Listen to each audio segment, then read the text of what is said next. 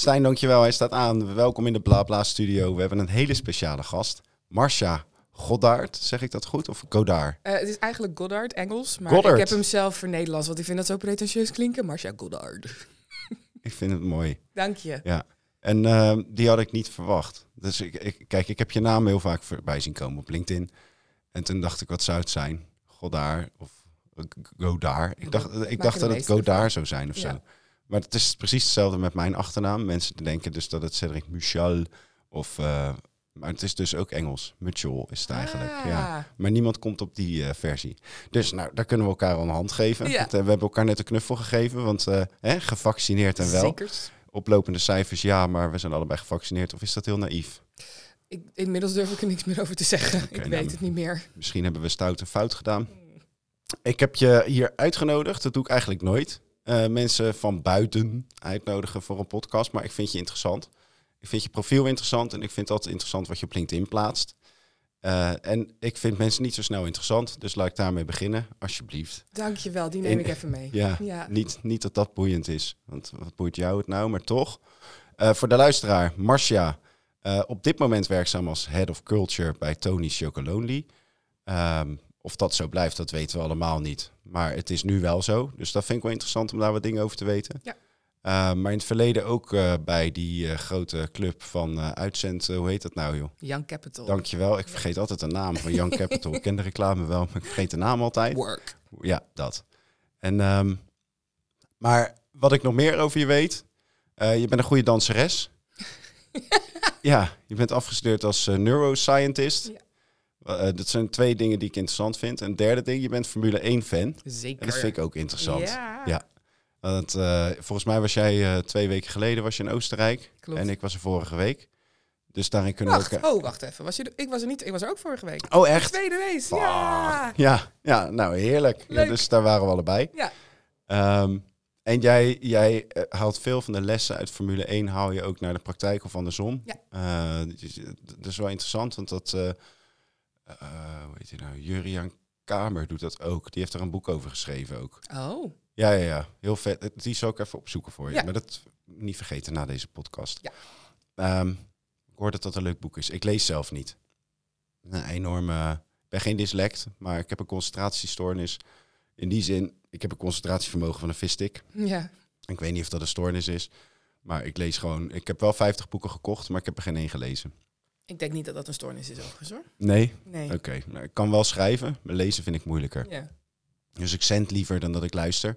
En toch ga ik proberen om te luisteren naar jou. Nou, dat vind ik. Ik ga mijn best doen om, Ja. je, om je visstick Ja. aan, aan de aandachtspannen een beetje op te rekken. Ja, en ik ga ook wel een beetje gewoon... ehm, ook wel een beetje vragen stellen waar je een beetje over na moet denken misschien. En ik kreeg, gisteren kreeg ik er eentje van een collega. Ik zeg, joh, ik spreek morgen, morgen spreek ik Marcia.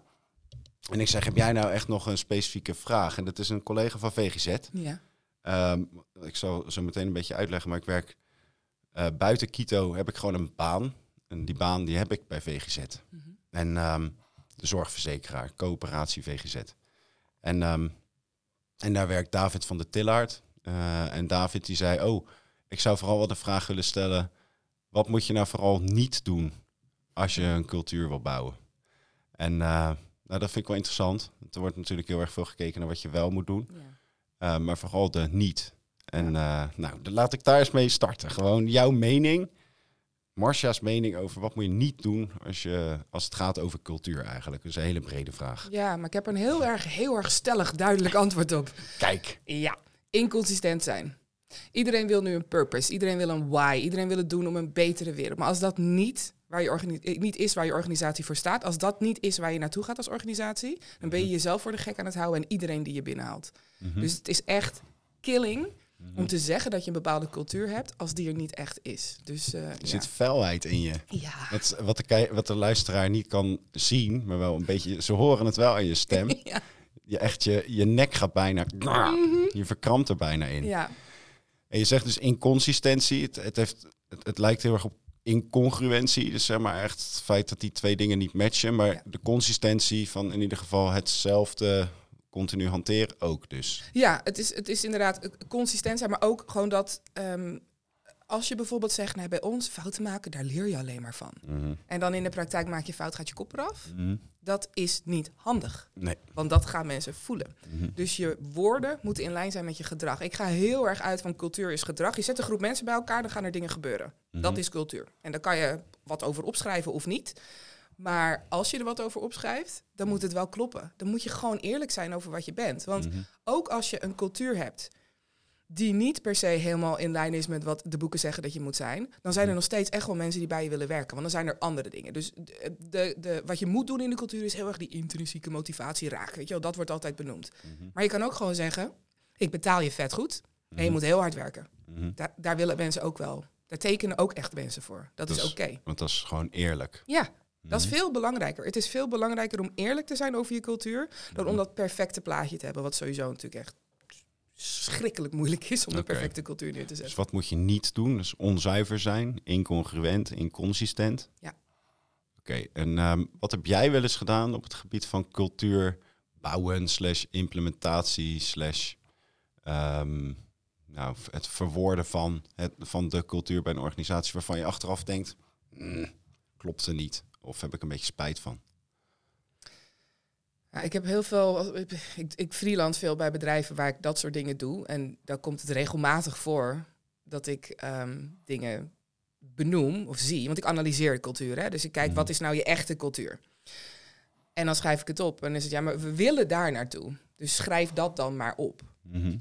Ik geef altijd advies. Dus ik, Mhm. ik ben blij dat ik dan niet bij zo'n organisatie werk. Want waar ik op vastloop, en dat is in het verleden echt wel gebeurd, waar ik dan op vastloop, is dat ik inderdaad iets moet ehm, pretenderen te zijn wat Mhm. het niet is.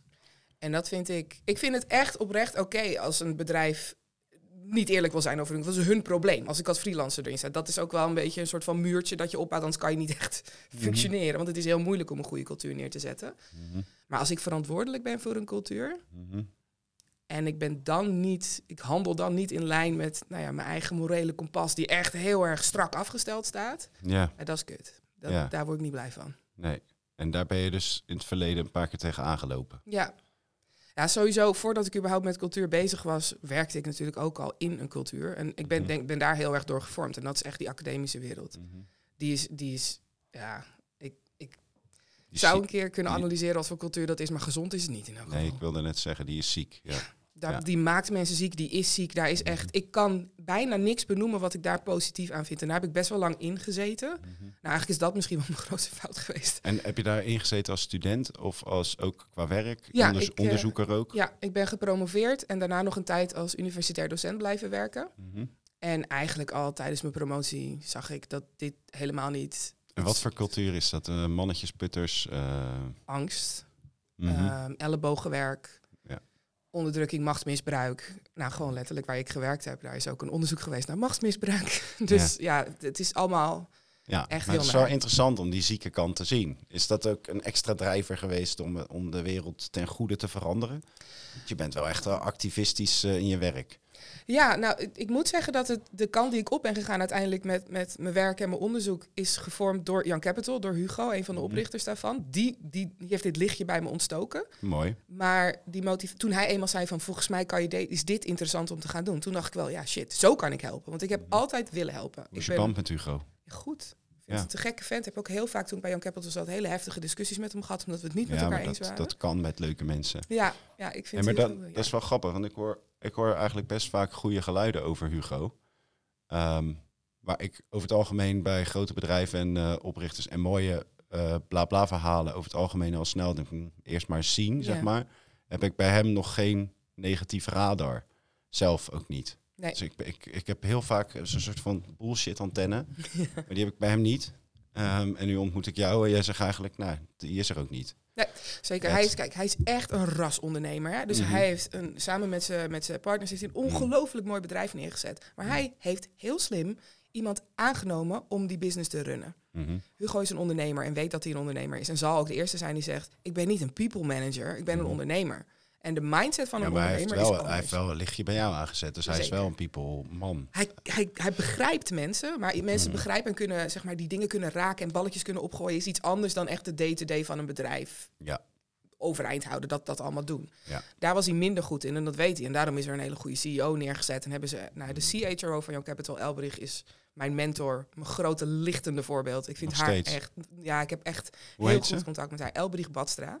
Ik doe nu ook weer een, een klus bij Young Capital, omdat ik het een ongelooflijk mooi bedrijf vind. Dus wat zij met z'n allen hebben neergezet, want dat is niet alleen Hugo, dat is ook die, eh, Rogier en Bram, de twee andere oprichters, en Ineke en Elbrich, iedereen die daar zit, is zo intrinsiek gemotiveerd. Het is Mhm. echt een hele mooie club mensen. En ik vind het knap wat ze doen, want er werken ongeveer 1500 man. Mhm. Het is echt ongelooflijk moeilijk om je cultuur vast te houden als je zo groeit. Ja. En ik ben daar gekomen toen er 250 mensen werkten. Mhm.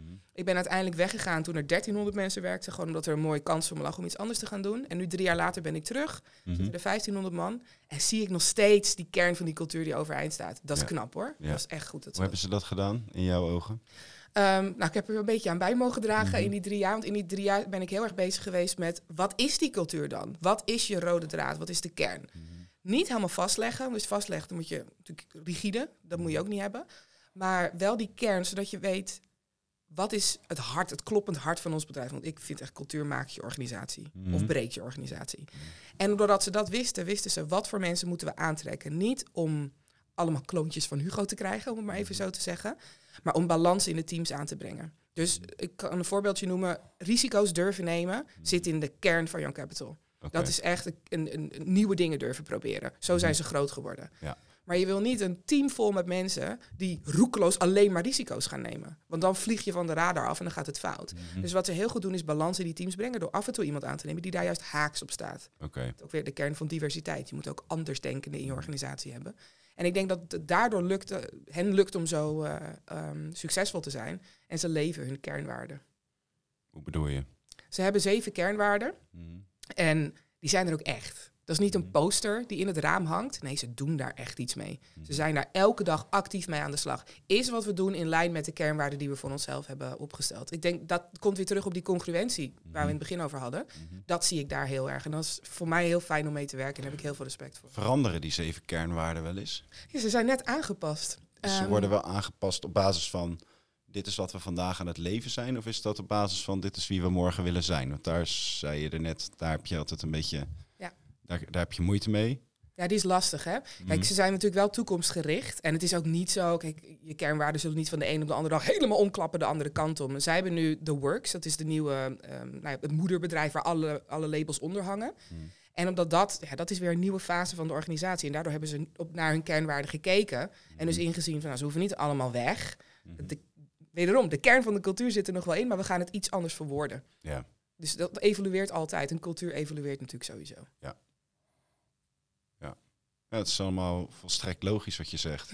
Maar er is ook nog niet iets waarvan ik denk, ja, hier, kijk, hier ga ik nou eens even lekker over discussiëren. Weet je, al- alles. Kijk, ik heb een enorme aversie tegen eh, bijvoorbeeld allemaal zaken heel erg vastleggen. En tegen inderdaad cultuurwaarden in het raam plakken en eh, aan de muur of op pilaren van een groot gebouw. Ehm, waar het niet dat ze best gezien mogen worden als ze inderdaad helemaal ehm, zijn achterhaald en congruent zijn met Ja. de werkelijkheid. Eh, dan mogen ze best wel gewoon aandacht krijgen. Dat gebeurt op dit moment bij VGZ ook. We zitten nu in een eh, precies in zo'n transitie waarbij ze worden aangepast. Ja. Afgelopen vijf jaar zijn de kernwaarden die waren gedefinieerd ook echt geleefd. En je ziet dat ze daar ook echt zijn. Ehm, maar je ziet ook gewoon de wens en ambitie van alle medewerkers.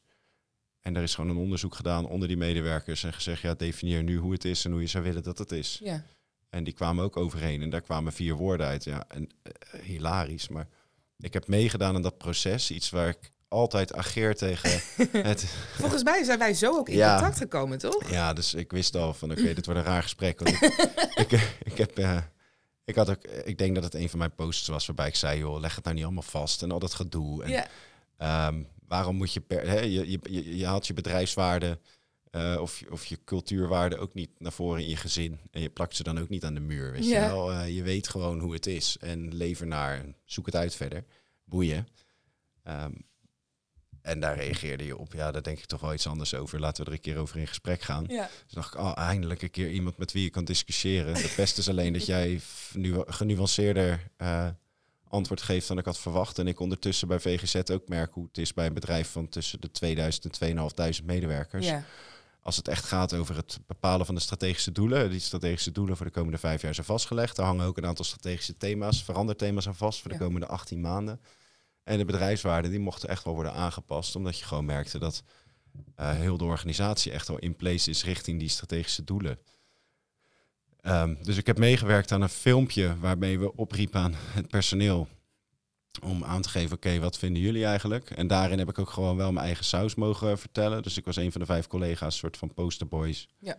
Eh, die kon vertellen in één minuut van ja, goed, zo kijk ik naar VGZ. En zou het niet vet zijn als eh, we welzijn en welbevinden boven welvaart stellen. En dat eh, systemen dienend zijn aan mensen in plaats van mensen dienend aan systemen. Dus wat dat betreft kleur je eigenlijk zo'n onderzoek al wel. Maar goed, ja, ik vreemde hem wel gewoon de kant op die ik lekker vond. Ja. En er werden een aantal mensen, zeg, want dwarsdoorsneden van de organisatie uitgehaald. En die zonden dat in een filmpje. Eh, CEO, bestuursvoorzitter, had daar ook gewoon de inbedding omheen. En daar zijn nu die kernwaarden, die komen daaruit. En ik ga donderdag gaan staande. eh, doe ik eh, een van die nief- nieuwe vier waarden, zeg maar. nou, grappig, ik kan dat nu best verklappen. Een van die vier is menselijk. Dan denk je, nou, waarom is dat een- dan een waarde? Nou goed, ik vind hem nogal belangrijk. Eh, zeker als het gaat over people first en tralala. Dan mag het ook wel zo zijn dat menselijk een van die kernwaarden is. Ja. Eh,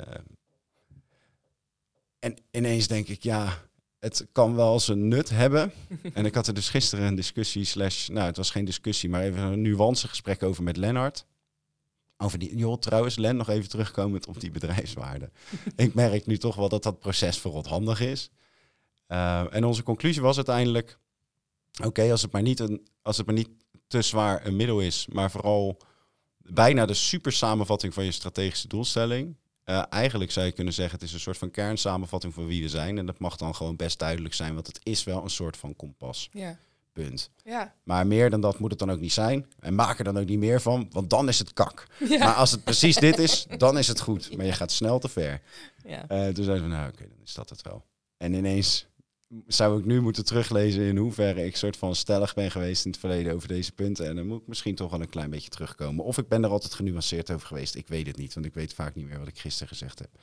Ik heb het er nog nooit eerder met je over gehad, maar wat je nu omschrijft, dat is volgens mij precies inderdaad wat je moet doen. En er zit denk ik ook wel een verschil, want wat je aangaf bij je gezin doe je het niet, maar dan ben je met vier of een heel groot gezin is misschien met negen. Ehm, ik denk niet dat elke start-up moet beginnen met kernwaarden definiëren. Nee, je moet gewoon beginnen met werken. Eerst even wat gaan doen. En inderdaad, als je eenmaal groot wordt, Mhm. dan helpt het je. Dan helpt het je ook om... Vanaf wanneer? Vanaf wat is groot? Ja, dat is echt een hele Heb moeilijke. je het ook nodig als je met een bedrijf van 30 of 50 man bent? Nee. Zoals hier. Hier is het tussen de 30 en 50. Ik heb eh, geen headcount gedaan. Volgens mij, ik, er wordt vaak 50 gezegd, maar volgens mij zijn we hier met 30, 35. Ja. Ehm, ook eh, corona gerelateerd, maar teams maken hun eigen keuzes. En sommige teams die zijn gaan kiezen. Dus die zegt nou, minder mensen, maar meer strategie. Ja. nou, ehm, dus volgens mij, ja. Maar wij hebben nooit iets met kernwaarden gedaan. Maar dat is misschien ook omdat je daar gewoon te klein voor bent. Als je nog direct met elkaar kan communiceren, Mhm. dan, dan is er heel weinig risico op miscommunicatie, op misverstanden. Mhm. Maar als je, ja, ik, ik zeg altijd, als je aan één tafel past, dan is er niet zoveel aan de hand. Dan gaat het allemaal redelijk vanzelf. Ehm, op het moment dat je naar meerdere verdiepingen gaat, ja. dan wordt het al lastiger. Want dan moet je een trapje op om met iemand te praten. En als je naar Mhm. verschillende gebouwen gaat, of zelfs naar verschillende landen, Mhm. dan moet je dingen gaan vastleggen. In elk geval als je als bedrijf als één geheel wil blijven functioneren. Je kan ook zeggen, we een satellietbedrijf, iedereen doet zijn eigen ding. Dat is ook een keuze. Mhm. Dan is het minder nodig. Ehm, maar bij VGZ begrijp ik het wel. Ik, Ja. De strategie is de wat, cultuur is dan de hoe. Mhm. En daar helpen die kernwaarden wel bij. Om, Mhm. om samen af te spreken, hoe werken we hier nou samen? Hoe doen we dat? En Juist. dan is ook wel menselijk, vind ik een hele mooie. Mhm. Alleen je moet wel zorgen dat als je het aan drie verschillende mensen vraagt, dat je dan niet drie verschillende antwoorden krijgt over wat dat dan inhoudt. Ja. Dus net een kleine verdieping daarop, zonder het moet geen bijbel worden, het moeten geen regels worden, maar gewoon helderheid voor mensen, zodat als je binnenkomt als nieuwe medewerker, dat je ziet, oké, dit is wat er van mij verwacht wordt, dit is waar de organisatie voor staat. ja, want die zou je dus dan wel vastleggen in een soort cultuurhandboek. Ja, ik heb Want dan is het alweer- woord handboek. Ja, maar, maar wat, wat is het dan wel? Dus waar leg je dat dan in vast? Want er zit dus een, een verdieping op. Tegelijkertijd wil je mensen ook wel enigszins, wil je het ook wel aan de eigen interpretatie overlaten, toch? Dus dit is precies waar ik denk, oké, maar daar wordt het heel snel te rigide. Ja. Dus ja, menselijk, ja, wat, wat is voor jou menselijk en wat is het voor mij? Dus ik ga bijvoorbeeld, ik ga dan donderdag ga ik mijn minuut over menselijk doen. Ja. Nou, daar, daar, daar zitten inderdaad zaken in als welzijn boven welvaart. Uh, of in ieder geval welzijn in balans met. Uh, minder bedrijfjes spelen, meer van mens tot mens acteren. Uh, minder van organisatie tot organisatie, maar veel meer gewoon echt die verbinding tussen mensen. sowieso verbinding vanuit vertrouwen. Um, eigen verantwoordelijkheid en verantwoordelijkheid voor elkaar, zodat je vanuit vrijheid kan blijven handelen. Um, dan zou ik er nog wel eentje willen zeggen. Dat is echt de, de veiligheid ervaren om volledig voor jezelf te staan en vanuit daar uit eigen kracht dus vitaal te, te mogen zijn. Mhm. Systemen dienen het aan mensen in plaats van mensen systemen het aan dienen aan, aan mensen. Of, nou ja, je weet, ik snap die, bla bla. En um, ja, dat is voor mij menselijk. Maar een ander die heeft daar misschien veel rijkere aanvullingen op of een hele simpele interpretatie. Ik bedoel, ik heb alweer heel veel woorden nodig. Uh, maar het is ook helemaal niet boeiend wat ik onder menselijk versta voor de andere 2000 collega's toch. Dan denk je, ja, wie, is wie de fuck is Cedric? Nou, Cedric is een heel belangrijk onderdeel van de organisatie. Want als menselijk een kernwaarde is, dan doe jij ertoe. Mm. Anders is de organisatie niet menselijk. Als jij daar werkt en je wordt niet gezien, mhm. dan is het niet congruent. Ja. Dus sowieso doe je ertoe. Uh, en eigenlijk wat je omschrijft is precies wat ik ook bedoel. Dus dat je, je geeft er een interpretatie aan. Mhm. Wat ik dus doe bij organisaties is, dan laat ik twintig mensen hun interpretatie geven. En dan kijk ik, wat, heb, wat hebben ze nou met elkaar gemeen? Mhm. Want dat is je kern. En dat is niet lang, dat is een kort stuk. Daar zit wel heel veel achter. Mhm. Dus er zit heel veel gedrag achter. Dus als jij het hebt over uh, van mens tot mens en, en systemen dienend aan de mens, daar zit bepaald gedrag achter. Mhm. Namelijk dat we perspectief nemen, dat we luisteren naar elkaar. Mhm. En dan, je kan het opbreken in hele kleine stukjes. En dat stuk zou ik dan weer niet vastleggen. Dan moet je wel ergens, weet je, een HR-afdeling een people and culture afdeling, hoe je het wil noemen, mhm. die moet dat wel begrijpen. En het moet vervolgens uitgedragen worden. Dus je hoeft je cultuur niet vast te leggen, maar je managers, dus mensen die een team aansturen, moeten hem begrijpen. Als je trainers hebt, bij, bij Young Capital zit bijvoorbeeld een hele grote people development afdeling. Exact. Die moeten het begrijpen. Want als die een training geven, moet dat vanuit die waarde gedaan worden. Want dan, dan ben je echt aan het laden op een manier die zin heeft. Als je het op een poster zet, dan laat je het niet. Dan lezen mensen, denkt het al. Nee, exact. Dus het moet niet de folder zijn, maar het moet gevoeld worden door de teamcoaches, zeg maar. En door people in experience.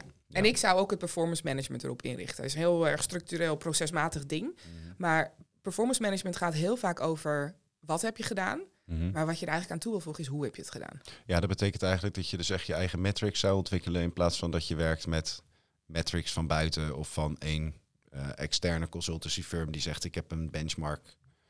Ja, ja zeker. Ja, het Is, en dat kan natuurlijk erbij. Ik bedoel, ik ben wetenschapper, ik hou van data hoor. Niks mhm. mis met data.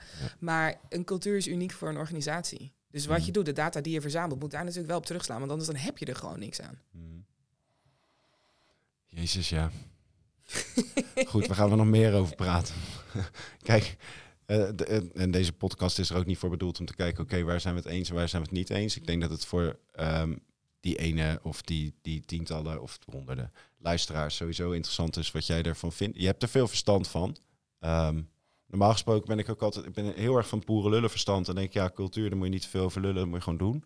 Zoals jij ook zegt, ja, je moet het niet eerst vastleggen, je moet gewoon gaan werken. En daarna zie je wel wat het is. Maar dan is het nog wel iets Um, je, je hebt het te onderzoeken, je hebt het te achterhalen en daar vervolgens op door te leven. Nou, dat stuk is natuurlijk best methodisch en daar ga ik in die zin af. Um, ik doe heel erg veel boerenlullenverstand, intuïtie. Uh, en mensen vinden me daar goed in omdat ik het heb laten zien met Kito of zo. Of omdat ik er heel nuchter over schrijf. Uh, maar je, hebt er natuurlijk, je, hebt erop, je bent erop afgestudeerd. Um, en, en dan hoor ik je zeggen van ja, het is wel belangrijk dat je die cultuur gaat achterhalen, zoals je dat bij Young Capital hebt gedaan. Mhm. En bij Tony Chocolonely vermoedelijk ook. Ook, ja. ja. Hoe doe je dat?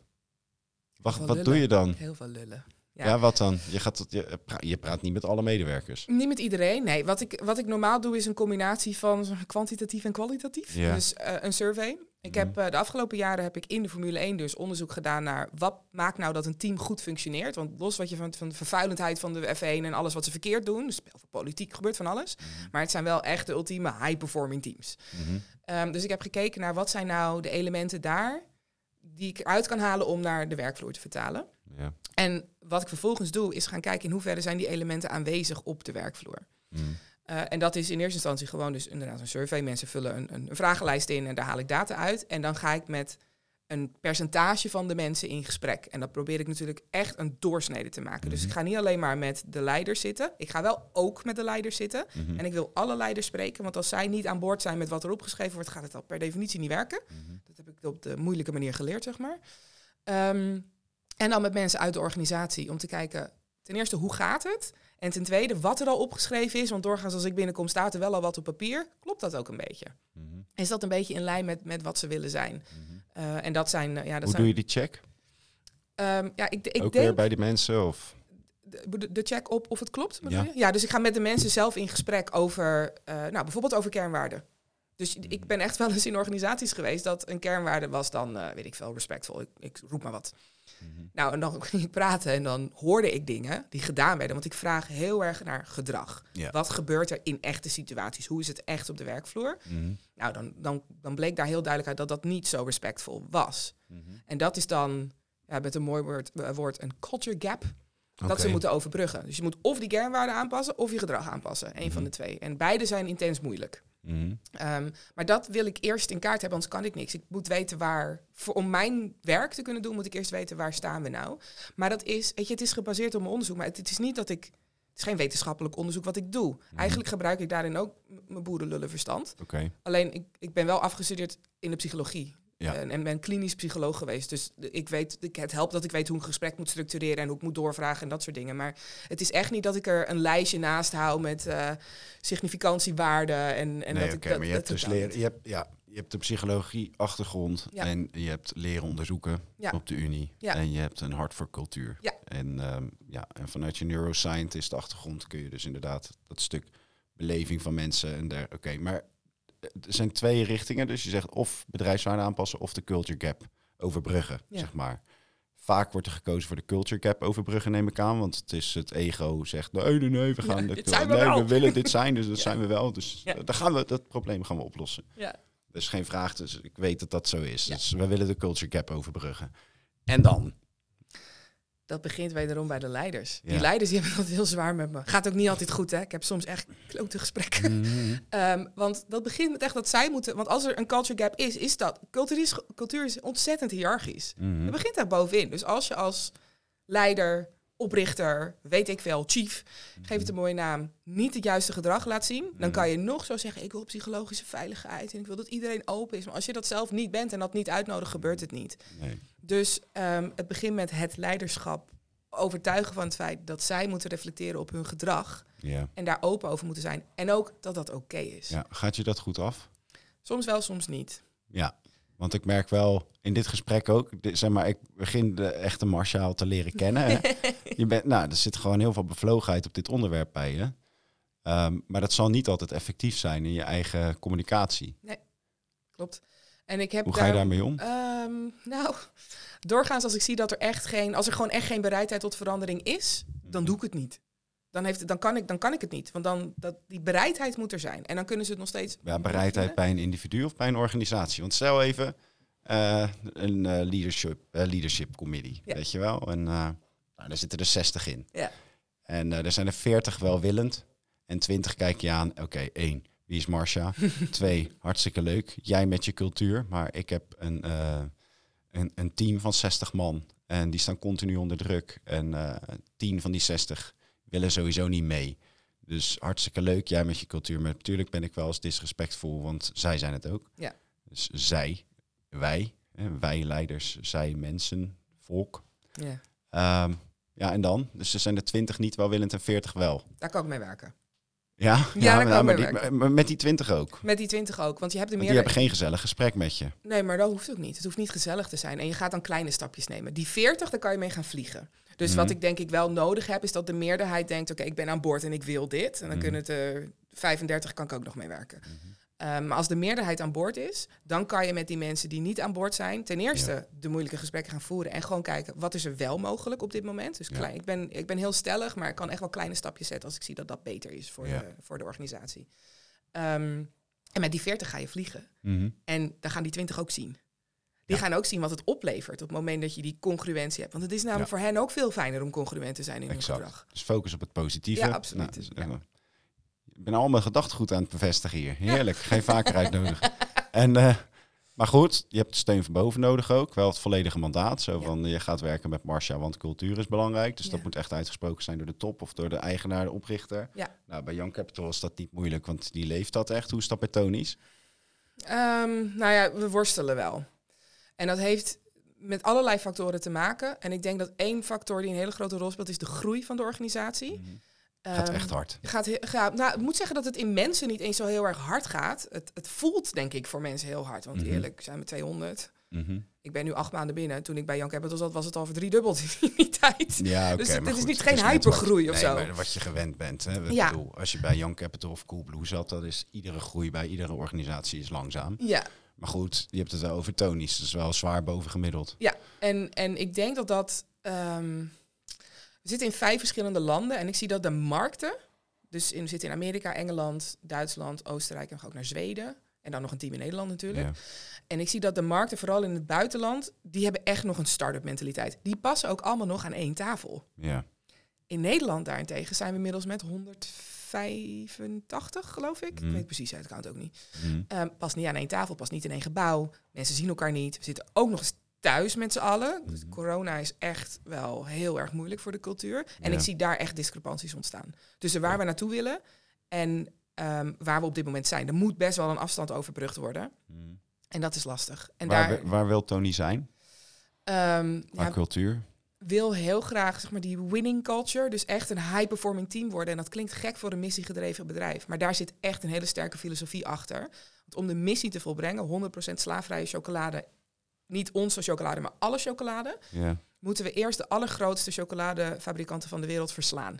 oké. Dat betekent dat we commercieel gewoon knetter succesvol moeten zijn. We moeten Mhm. heel veel chocoladerepen verkopen. Mhm. Want pas dan gaat Mars zeggen, ja shit, oké. Mhm. Ze hebben wel een punt. Je kan dus blijkbaar wel commercieel succesvol zijn en toch op een ethische manier chocolade produceren. Mhm. Dat betekent dat er een heel erg commercieel gedachtegoed is, wat best wel haak staat vaak op het, op de, het uitgangspunt van de mensen die er werken, die missiegedreven zijn.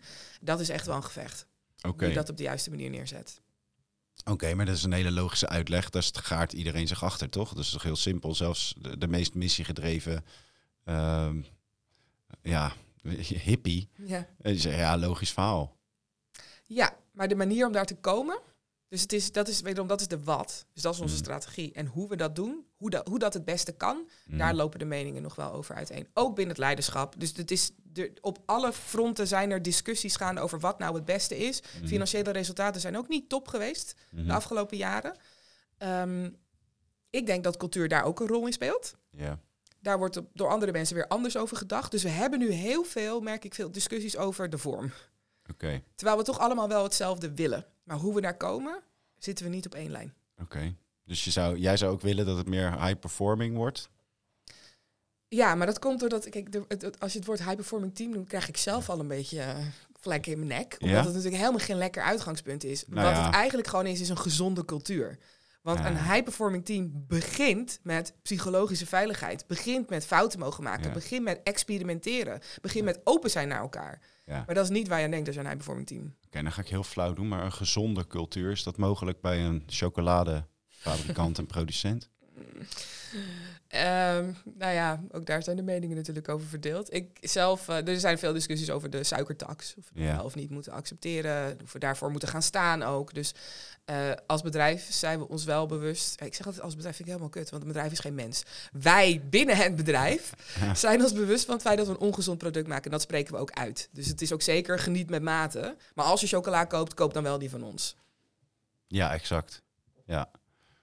Ja, dat, kijk, hier zit je natuurlijk continu in conflict met jezelf. Want Ja. als je chocola koopt, koopt die, dan die van ons. Eh, tegelijkertijd zie je gewoon wel de pop-up boxen in de bouwmarkten staan. En dat is niet in plaats van verkoop, maar gewoon aan tap af. Ja. Ehm, het, zijn de, het zijn de relatiegeschenken die bij, bij massa worden eh, besteld Ja. en geleverd. En dat is ook allemaal ongevraagde chocola in je brievenbus. Ja, ik zou je niet aanklagen hoor, Tony's. Maar ik heb echt wel te veel karamel-zeezoutrepen gevreten in 2020. Ja. En ehm 2021 ben ik er echt mee opgehouden. En ik ben inmiddels 14 kilo afgevallen. En dat komt Ja. allemaal omdat ik geen Tony's meer eet. ja, dat is natuurlijk niet waar. snap je. Weet Dat je wat je moet doen? Zeker niet waar. Je moet even gaan werken. Want toen ik net begon, echt man, kilo's vlogen eraan. Want Ja. onbeperkt chocolade, alles mee in huis, hup, inladen, elke keer op kantoor. Ja, Het is super tof, maar ook daarin weer gezonde cultuur. Killing! Weet je wel? Ja, Ja. maar het, eh, kijk, ik, ik ben echt... Ik haat dat moraalriddergedrag, Mhm. weet je. En, en ik haat het aan mezelf omdat het een stuk van mij is. Dus eh, ik heb ook wel eens een post geplaatst over Heineken. Ehm, de- eentje ging over het feit dat ze een 2000 man wilden gaan ontslaan omdat hun winst tegenviel. Dus in plaats van 1,1 miljard werd het 300 miljoen. Dus moesten er 2000 man uit. Nou, ik kan dat niet rijmen. Met een bedrijf 300 miljoen winst kan je die 2000 man willen ontslaan. Ja. Tegelijkertijd zijn er financieel onderlegde mensen die tegen mij zeggen... hey, luister, boekhoudkundige winst is nog wel wat anders dan je cashreserve. Dus wellicht zat er gewoon een punt in.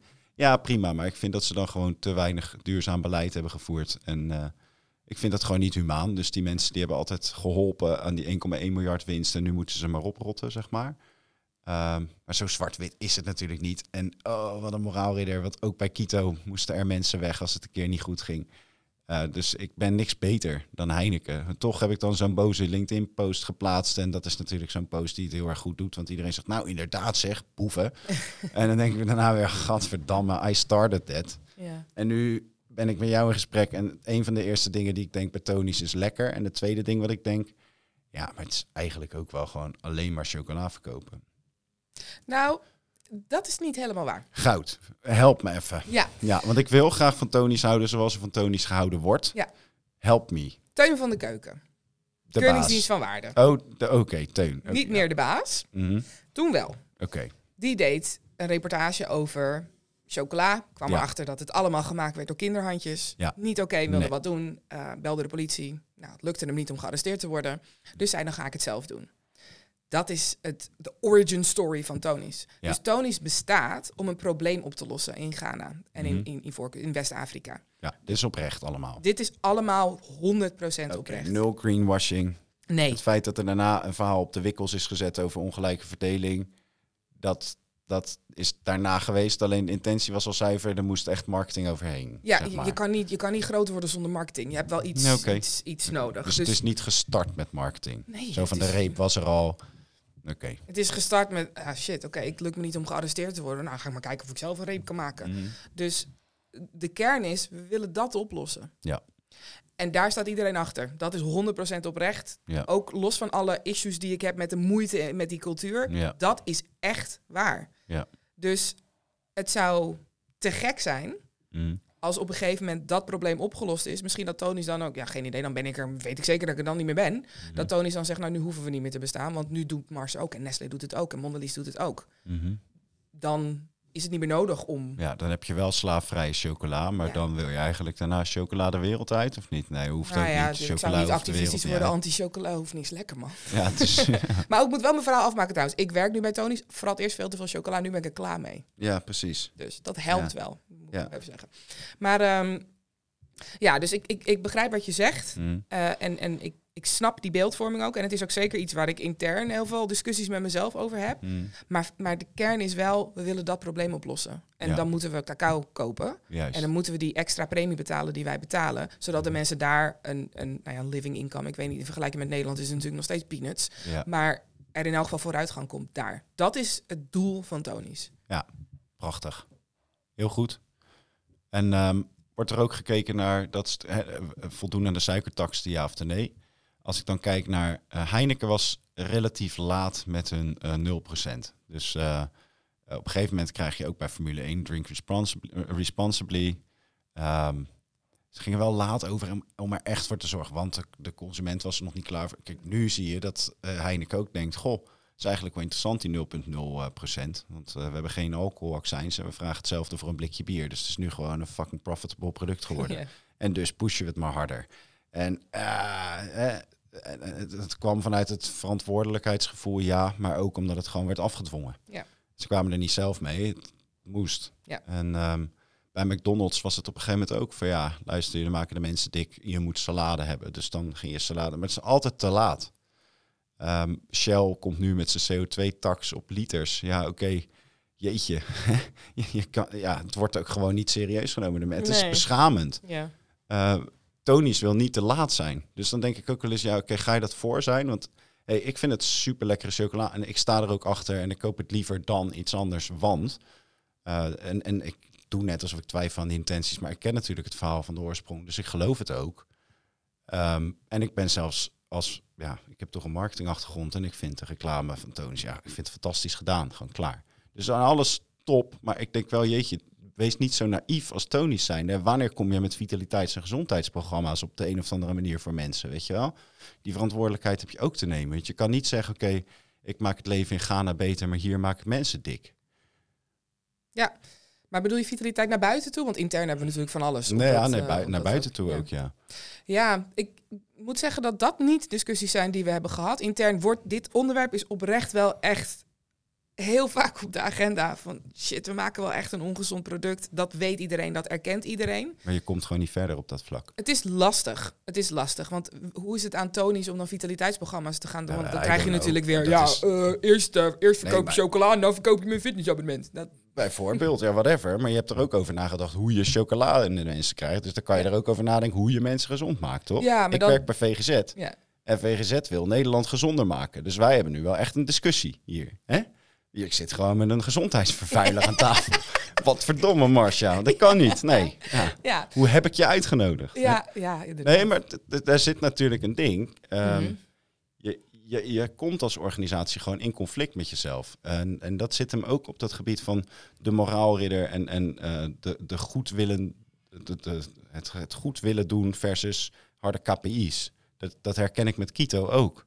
Wij bestaan omdat we positieve invloed willen uitoefenen. In de breedste zin van het woord. Ja. Dat is zo abstract en diffuus dat je er geen scherpe propositie op kunt maken. Terwijl die scherpe propositie heb je nodig om high performing te zijn.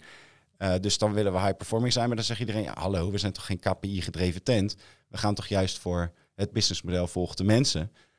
In plaats van de mensen volgen het businessmodel. Ja, maar dat businessmodel is soms ook nodig. Ja, maar wie gaat hem dan maken? En niemand heeft daar echt zin in. Ja. En ondertussen wil je wel goed doen. En dan denk je weer, ja, maar op deze manier doe je ook niet zoveel goed. Eigenlijk moet je weer. Dus continu conflict. Hè? En dan denk ik, ja, kijk naar een organisatie als AFAS. Super strak georganiseerd. Uh, Bas van der Veld, die CEO, is ook gewoon echt heel erg opgeruimd. Het is een opgeruimde uh, persoonlijkheid in, in zijn geest, maar ook in zijn gedrag. Echt voorbeeldig. Is niets verkeerd aan Bas van der Veld.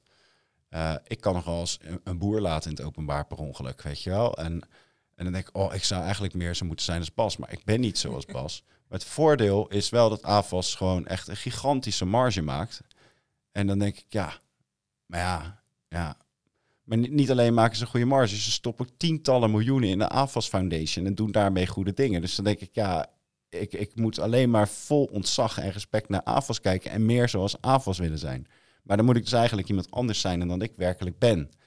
En dat zou betekenen dat ik eigenlijk een goede CEO zou moeten neerzetten. Terwijl, maar ik geloof weer niet in die CEO. Dus ik, ik snap conflicten heel erg goed. Mhm.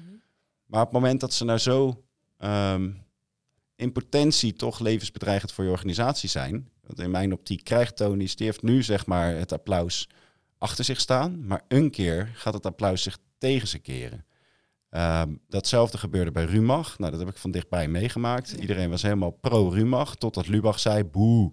En toen is iedereen boe, Rumach. En toen lagen ze gewoon kaart op een gat. Terwijl Rumach, uh, die hadden natuurlijk een hele zwarte satirische stem. Uh, dus die maakte gewoon overal gehakt van. Terwijl ze waren vanuit hun kern echt wel heel erg positief. Dus ze deden heel erg veel dingen voor het goede doel. Maar daar praten ze niet veel over, want het was niet stoer. Amsterdams medialandschap. Uh, we gaan daar vooral niet heel erg hip over doen. Ja. Uh, maar eigenlijk hadden ze ook gewoon te weinig positieve merkwaarde gecreëerd. Want toen Lubach een keertje kritisch was, zei iedereen inderdaad... die satirische klootzakken, nou, leuk dat zij een keer op de grond liggen. Ha, ha, ha. Uh, uiteindelijk zijn ze dus veel meer gaan branden vanaf augustus 2000. Wat is het nu? 21 of 20? Ja, ja vanaf augustus 20 uh, zijn we dat gewoon echt veel meer gaan pushen. Daar was ik bij, bij betrokken. Uh, gewoon, oké, okay, dit doen we. En toen zijn we ook op de 1 en 3 zelfmoordpreventie. En je zag echt die publieke opinie weer omkeren. Zo van, ja, Rumach die probeert echt de nieuwe generatie te empoweren. En ze zijn daar authentiek in. Ja. En nu zie je, ja, dan, is de dan vlieg je weer. En je wil niet zo'n tik op je kont krijgen zoals Shell, zoals McDonald's, zoals Heineken, zoals Rumach. Tony's is gewaarschuwd. Dus dat kan je voor zijn, maar dat is toch ook high performing? Op het moment dat je gewoon zo'n uitdaging tackelt, waarom wordt daar niet harder op geacteerd? Nou, high performing is dat je goed, uh, dat je um, goed met elkaar in discussie gaat over wat je moet doen. Ja. En daar zijn we nog niet uit. Oké. Want ik, ik weet niet of het aanbieden van vitaliteitsprogramma's de oplossing Nee, is. ik noem maar wat. Maar, Maar, iets nee, maar, maar dat, dat is. Je moet op een gegeven moment moet je. Wat gaan we dan doen? Hè? Dus is het de suikertax steunen? Daar actief? Want dat kan. Dat is een optie. Dat wij actief gaan zeggen: suikertax kost ons geld. Ja. Maar is wel het juiste voor de samenleving. Die discussie wordt gevoerd. Kan je gaten inschieten? Hm. En in een vitaliteitsprogramma kan je ook gaten inschieten. Mhm. Het is, het is ook wel een beetje, we maken gewoon een ongezond product, dus damned if you do, damned if you don't, zeg maar, als je wel uitspreekt niet. Want uiteindelijk is de oplossing voor dat probleem, is stoppen met chocola maken. Hm. Nou, dat is niet een optie, want we hebben een missie die we willen volbrengen. Dus ik heb geen antwoord voor je van wat is nou het beste om te doen. Ik snap helemaal wat je zegt. En dat is zeker waar. We moeten daarover praten en doen dat ook. Ehm, maar het is heel moeilijk om met z'n allen te bepalen, een, een organisatie van meer dan 200 mensen inmiddels, wat gaan we dan doen? Wie gaat die knoop door? Wie neemt die beslissing? Wat wordt de koers hier? En dat moet eerst gebeuren. Want we moeten er wel met z'n allen achter staan. Anders dan werkt het ook niet. Want dan krijg je dus die incongruentie. En daar Mhm. prikken mensen ook weer doorheen. Ja. Dus dit is echt een heel lastig, ehm, een, een lastig onderwerp. Ik, Ja. Maar ik, ik snap volledig wat je Ja. zegt. Ik begrijp je. Ik heb ook de oplossing niet. Je zou kunnen denken aan één, één smaak die helemaal gewoon leeg is. Je koopt alleen de wikkel. en daar zit werkelijk niks in. Dus daar zit gewoon geen reep in. Maar die koop je gewoon uit well-doing. Ja, En de opbrengst gaat enerzijds dus inderdaad naar die boer. Eh, dus hij produceert geen cacao, maar krijgt geld wel. Nou, dat is helemaal dubbel. ja. En de andere helft gaat naar die suikertax. I don't know. Maar koop, koop karamel zeezout, maar koop er ook eentje voor de maatschappij. Ik bedoel, je hebt, je hebt nu die merkwaarde nog. Dat momentum, daar kan je gebruik van maken. Ah, eh, ik word ook niet betaald door Tony's. En waarschijnlijk gaan ze dat ook nooit doen. Dus ik heb daar ook geen... eh, laten we daarover ophouden. Maar ik vind het interessant om jou, jouw opinie te horen op dat vlak. Ehm, wat wil ik nou nog meer weten? Ik ben altijd... Ik, ik, ik interview nooit echt. Nee, het is gewoon een gesprek. Nou, ik wil wel wat ja, weten. ja. Mag dat ook? Ja, graag. Ja, Ja, ja. dat, hoef ik even niet na te denken. Ja. ja. Nou ja, je, je, je zegt, eh Kito is nu met 30 tot 50 man, zeg Ja. maar. En ook een fantastisch verhaal. Te gek merk, Mm. mooie dingen. Jij bent een hele mooie spokesperson ook, omdat je, ja, het, authentiek bent.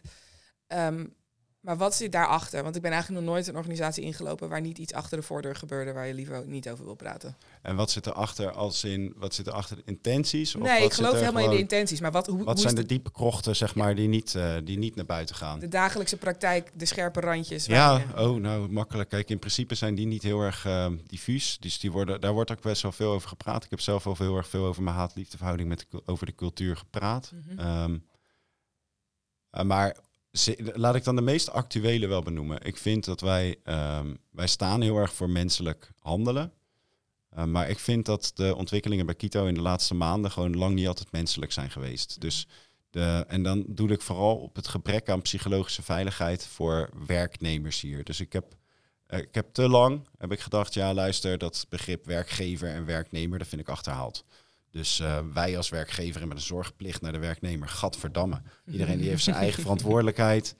Ehm, en wij creëren een inbedding en een context hier waarin jij kan floreren en je zoekt het verder maar uit. Er is één regel, doe wat je niet laten kan en laat wat je niet maken kan. Waarmee alle verantwoordelijkheid dus ook bij jou ligt. Ja. Dat is hartstikke leuk, maar dan, dan, dat geldt wel echt voor de mensen die dat ook daadwerkelijk kunnen.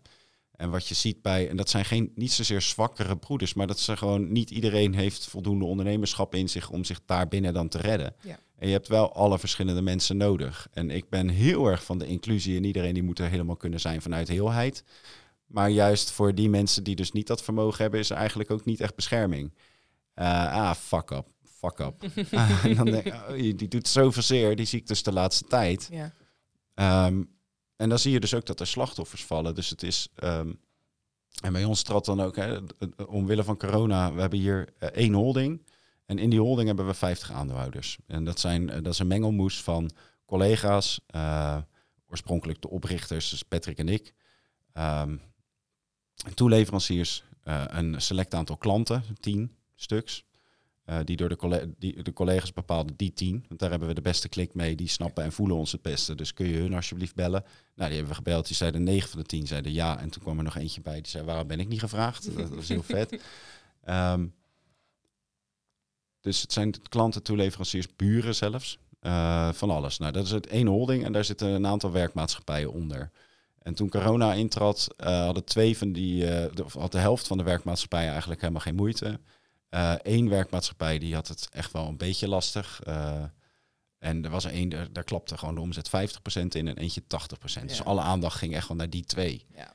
Ehm, al die werkmaatschappijen zijn een soort van zelf-opererende business units. we zijn wel met z'n allen één Kito. Maar ja, die business units zeggen wel, hé hey, luister, ik heb mijn resultaat. En als ik een halve ton of een ton op de rekening heb staan, betekent dat niet dat ik dat eventjes wegspuug naar die PV die onder water staat. Terwijl je wel met z'n allen weet dat één zwakke broeder wel gewoon de hele tent kan vertragen, right? Ja. En dus waren daar best wel veel discussies vanuit de holding en de sublabels om elkaar daar dan wel in te ondersteunen. Ehm, en we hebben nog een probleem. Het ondernemerschap ligt heel erg laag, zo gezegd. Dus in die verschillende BV's. Dat betekent dus ook dat er in die BV's veel management fees zitten. Nou, die werden niet ondersteund vanuit de NOW. En bovendien liepen we in Q1 2020 liepen we 35% groei ten opzichte van 2019. En die omzet die werd ook niet um, meegenomen, omdat ze natuurlijk de 2019 als maatstaf namen. Dus ja, we, we waren zo. Ja, wel, we, we hebben uh, twee van die BV's gered dankzij die NOW. Mhm. Uh, maar NOW was niet per se heel erg helpend. Dus uh, we hadden het echt moeilijk in de coronatijd. Ja. Tegelijkertijd gingen een aantal klanten zo bizar hard dat wij ook wel na een maand of vier, vijf weer het lek boven hadden. Maar dit was wel crisis nummer vier in, in tien jaar. Financiële crisis nummer vier. Ja. Omdat Kito een soort van continu iedere winst die er wordt gemaakt, wordt doorgeïnvesteerd in het aannemen van mensen. Want we willen gewoon zoveel mogelijk mensen een baan bieden binnen zo'n context. Uh, maar wij zijn nooit echt een, grote tent geworden met 10 miljoen omzet of zo. Dus het is altijd wel redelijk in de marge. Uh, de naam is groter dan de omzet, zeg maar. Ja. En um, waar wilde ik heen? Oh ja, die teams. Op een gegeven moment hebben die wel het hoofd boven water. Maar er zit toch wel angst een beetje in die BV's. Dus alle BV's gaan toch wel een beetje gematigd kijken naar groei. Uh, waar je twee jaar geleden een soort van uh, 80% van alle stagiairs die ook maar een beetje goed functioneerden, gewoon een baan aanbood uh, redt nu niet eens 20% eh, van de stagiairs het tot de voordeur. Uh, maar de achterdeur staat wel open. Yeah. Voor iedereen die maar zegt, ja, ik ben het wel een keer een beetje zat hier, verander moe. Uh, ik voel me niet voldoende gesteund of ik zie de uitdaging niet in de nieuwe projecten. Oh, echt? Oh ja, nou ja, ja, hey, ja. Nou, dan toch niet. Um, maar waar vroeger de sociale cohesie was, jeetje, blijf aan boord en met z'n allen zijn we toch aan het bouwen wordt nu soort van alles wagenwijd opengezet. Zo weer, kijk maar wat je doet. En daar zit een soort van laksheid in. Uh, die voor een deel ook is gevoed door mijn afwezigheid. Ik ben vorig jaar uh, gescheiden. Uh, ik heb daarna een hele, hele slechte periode gehad. Het duurde zeker acht tot tien maanden. ik durf nu wel te zeggen dat ik pas een maand of twee, drie boven Jan ben. Ja. Um, en in die afwezigheid ontbreekt er toch ook gewoon veel verbinding. En, en, en ik vind het verschrikkelijk irritant om te merken dat ik daar toch gewoon nog heel erg belangrijk ben als verbinder. Uh, voor zowel de interne collega's als de stakeholders, de directe groep daaromheen, als op LinkedIn. En ik ben de afgelopen zes maanden ook, ik ben een interessante spokesperson in potentie, mits ik wel praat. En dat heb ik helemaal niet gedaan. Dus ik was helemaal stil. En uh, hoeveel, hoeveel er niet is gezegd, waar is Cedric? Uh, en dan nam Cedric ook nog eens een baan aan bij VGZ. Wat de fuck is hij nou aan het doen? Ja. Maar ja, luister, die vrijheid hier bij Kito die geldt voor iedereen, dus ook voor mij. Uh, maar hey, ik had ook nog een verantwoordelijkheid. Ja. Nou, en wat ik nu dus zie, is dat het aantal mensen, dat is toch afgenomen. Uh, de headcount is gewoon niet precies duidelijk, omdat er ook nog wel gewoon veel zelfstandige mensen ook bij betrokken zijn en er een klein clubje in Horst en in Almere. En er is van alles gaande rondom Quito. Dus ja, alles wat het vandaag is, kan over een week is dat totaal anders. Dat is uh, structureel het geval. Er is één constant hier, dat is extreme verandering. Mhm. En ik vind het ook niet zo boeiend hoeveel mensen je hebt. Je hebt zoveel aandeelhouders, je hebt zoveel mensen in je vervolg dat je kunt zeggen, ja, we zijn met z'n allen één grote beweging. Het is niet een bedrijf met x aantal mensen op de loonlijst. Het is gewoon een totale beweging van mensen die positieve invloed wil uitoefenen. Wie horen daar wel of niet bij? I don't give a fuck. Um, maar toch is het humane stuk, uh, daar, daar is, heeft erosie uh, plaatsgevonden.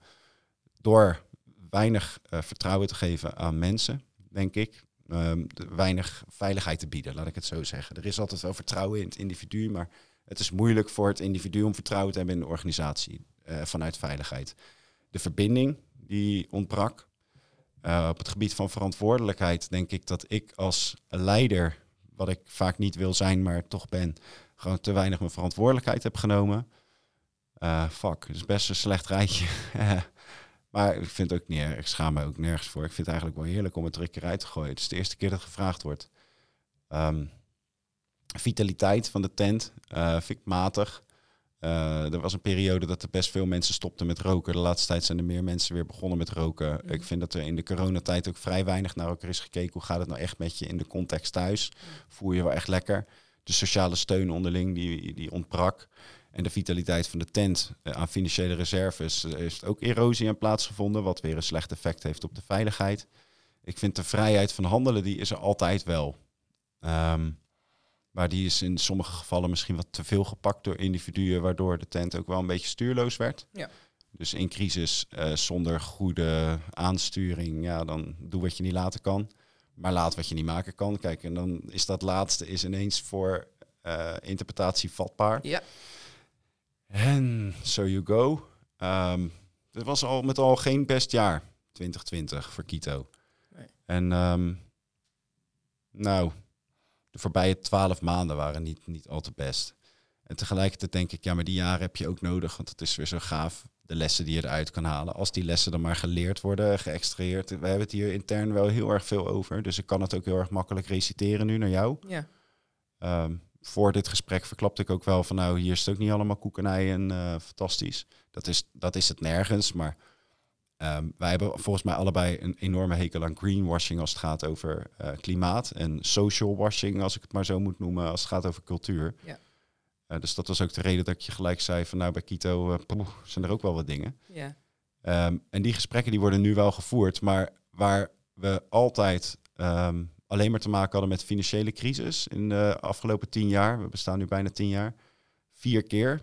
Eh, vier, ja, dat is bijna een soort van way of life. Ja. We weten, oh, er komt een financiële crisis. Nou en? Maar nu is er voor het eerst een andere crisis en dat is een crisis van verbinding. En die heb ik nog nooit meegemaakt. En ik ben er tering nerveus over. Ja. Eh, omdat ik enerzijds denk ik, oh, maar dat is lekker, want verbinding ga je gewoon weer aan. En anderzijds denk ik, ja, maar verbindingen kunnen ook gewoon kapot zijn en niet altijd weer herstelbaar. En, eh, en nu denk ik, oh, oh, wat is er nog over aan de verbindingen? En in hoeverre ben ik in staat als persoon om net zoveel verbinding te maken als dat ik heb gedaan in de voorbije paar jaar? Want ik ben wel weer eh, boven Jan, maar het is nog wel een dun lijntje en ik heb een fulltime baan bij VGZ.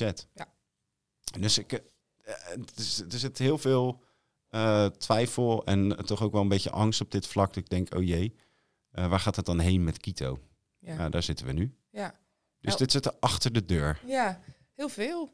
Allereerst heel fijn dat je er weer bent. Dat, Ja, dat ja, is het dank je. eerste dat ik wil zeggen. Dat is lief. Want dat ja. is, eh, je hebt inderdaad, eh, ik ben ook gescheiden, hebben het ook voor het gesprek over gehad. Het is gewoon verschrikkelijk intens en eigenlijk helemaal kloten. En zit je ineens bij je ouders. Dat wil je helemaal niet, want je bent Nee. gewoon volwassen. Dus dat is heel, heel lastig. Dus Ja. fijn dat je er weer bent en dat je, dat, weer, dat je dit weer kan doen ook, dat we hier weer zitten. ja, Ik denk zeker dat er wel die verbinding nog wel te maken is, want dat is wie jij bent als persoon. Dus is dat zo. gebeurt wel. Maar ik denk dat het wel een mooi voorbeeld is van, dat, van de hiërarchie van cultuur. Want of je het nou wil of niet, je bent inderdaad de leider. En als jij niet meer optimaal bent, dan zie je dus het effect daarvan in je organisatie. Maar er is ook wel iets extra's overheen gekomen hoor. Corona. Ja. Is natuurlijk niet, als je het hebt over menselijkheid en humaan, dat was niet humaan. Nee. En ik begrijp helemaal waarom de situatie was, zoals waarom we afstand moesten houden. Waar, dat sta ik ook achter. Ik heb Mhm. zelf diabetes. Ik ben de eerste maanden, toen we nog niet wisten wat dat virus deed, ik dacht echt, nou, ik ga dood. Mhm. Ik was ervan overtuigd, ik was Dan zo werk bang. je ook nog bij Tony's met gratis chocola. Nou, toen niet. Toen niet. Toen werkte ik niet bij. Nu wel, inderdaad. Ja, ja. goed voor mijn suikerspiegel. Gevaarlijk, ja. ja. Ehm, dus ik heb ook heel veel angst. Ik snap dat helemaal. Maar op menselijk vlak, holy shit, man. Dat heeft echt culturen kapot gemaakt. En dat, Mhm. eigenlijk hoor ik dat hier ook in terug. Ja. Dus het is de hoop dat als, als corona voorbij is, dat jullie weer terug kunnen naar die verbinding en naar Ja. dat menselijke. Want om menselijk contact te faciliteren heb je contact nodig Letterlijk. bij elkaar zijn. Ja. Ehm, en ja, ik, ik, want jullie zijn ook zelfsturend, toch? Maar, eh, Ja, geef het een naam. Met- Ja. We worden gezien als eh, de meest zelfsturende organisatie precies. van Nederland. En ik geloof persoonlijk niet in die term. Ja, dat snap ik, dat begrijp ik. Voor de framing richting de mensen, dat ze begrijpen. Geen, ja. geen leidinggevende. Dat, soort- nee, dat, we en zijn dat is, agile en we zijn zelforganiserend. Ja. En, en we zijn lean. ja, Eh, ja. Het ja, het is oprecht ook, het is oprecht ja. ook zo. Ja. Dat is de reden dat ik vaak als expert word gevraagd op die vlakken. Terwijl een van de eerste dingen die ik zeg is, ja, Wij zijn het geworden omdat we er niet mee bezig zijn. Ja, dat begrijp Ja. ik.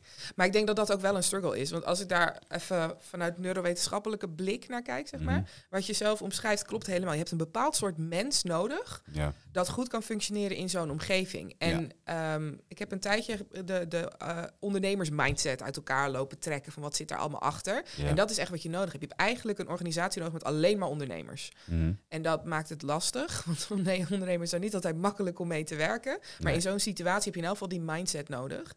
Want het brein zelf heeft voorspelbaarheid nodig. Ons brein wil voorspelbaarheid. Want als er geen voorspelbaarheid meer is, dan is je brein dusdanig prehistorisch dat het denkt, er kan daar achter die muur een sabeltandtijger zitten en die komt zo meteen naar binnen springen en die gaat mij opeten. Mhm. Dus dat betekent dat als je die zekerheid en die nou ja, processen, als je dat Mhm. allemaal niet hebt, wat jullie dus niet hebben, Mhm. heel erg voor jezelf zorgen, dan is dat brein continu alert. Continu aan op shit, oké, er kan wel eens iets gaan gebeuren dat nadelig is voor mij. Mhm. En dat levert een stressreactie op. Mhm. Dat is niet per se erg, want stress heeft een hele slechte naam, maar stress kan ook echt je pushen om goed te presteren. Dat, is, Mhm. dat is ook onderdeel van die mindset. Ja. Maar als je daar niet in zit, dus stress kan of een uitdaging zijn of een bedreiging. Mhm. En als mensen in die bedreigde stand terechtkomen, dat is kut. Want dan krijg je rigiditeit. Dan krijg je dat mensen echt Verlamming. ja, verlamming. Shit, ik weet niet meer wat ik moet doen. Dus ik doe maar helemaal niks meer. Want wat ik, ik, ben, ik leef nu nog. Exact. Dus dan hou ik het maar gewoon zo. Is het bekend wat voor percentage dat is? Dat de een in, de, in standje, oeh, yeah. En de andere in standje, oh, ik ga liggen. Eh, nee, ik heb geen percentages. Het, de, de, het standaard uitgangspunt van het brein is wel meer richting die rigiditeit dan Oh. richting dat hoe joppie we gaan. Ja, maar we hebben hier alleen maar vechters. Niet waar. Nou ja, en dat is dus het ding. Als je groeit als organisatie, dan wordt dat lastiger. Ja, Want dan ga je mensen binnenkrijgen die dat misschien op. En die hebben wat, die moeten daarin begeleid worden. En dan helpt het als er leiders zijn die, Exact. dat, die dat oppakken. exact. En die het ook zien. Ja. En niet in een scheiding zitten en ehm et cetera. Nou ja, en in een corona en in een van alles. En, Ja. en dat hangt niet Ja. alleen aan jou, hè? Want jullie zijn met 50. Laat ik even het woord Mm. 50, 30 tot wel 50. Ja. Dan kan je niet eentje.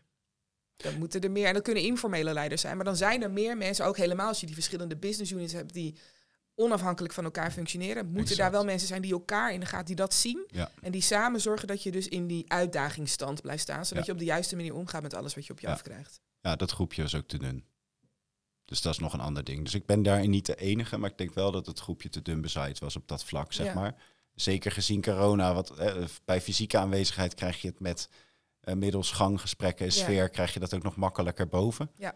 Ehm, maar nee, er was het- en te weinig aandacht, eh, besef, combinatie van die twee. Eh, en gewoon te weinig capaciteit. Ja. Eh, en de context van corona maakt het niet makkelijker. Nee. Nee, nou, werk aan de winkel. Ja. Lekker doen.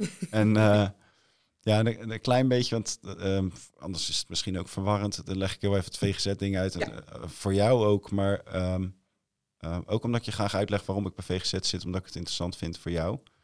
Ehm, maar ook voor eventueel de luisteraar, want er zijn veel vragen over van, hè, maar staat VGZ op LinkedIn en waar is Kito dan? En ik Ja. communiceer sowieso weinig op LinkedIn de laatste tijd. Dus denken mensen, bestaat Kito wel? Nou, Kito bestaat zeker. Ik ben er nu. En ik ben, ben een, ja, dat bedoel ik. Marsha is hier en het bestaat echt. Ja, er is een deur en er zijn mensen die zijn ingehuurd om te zeggen: Hallo Marsha.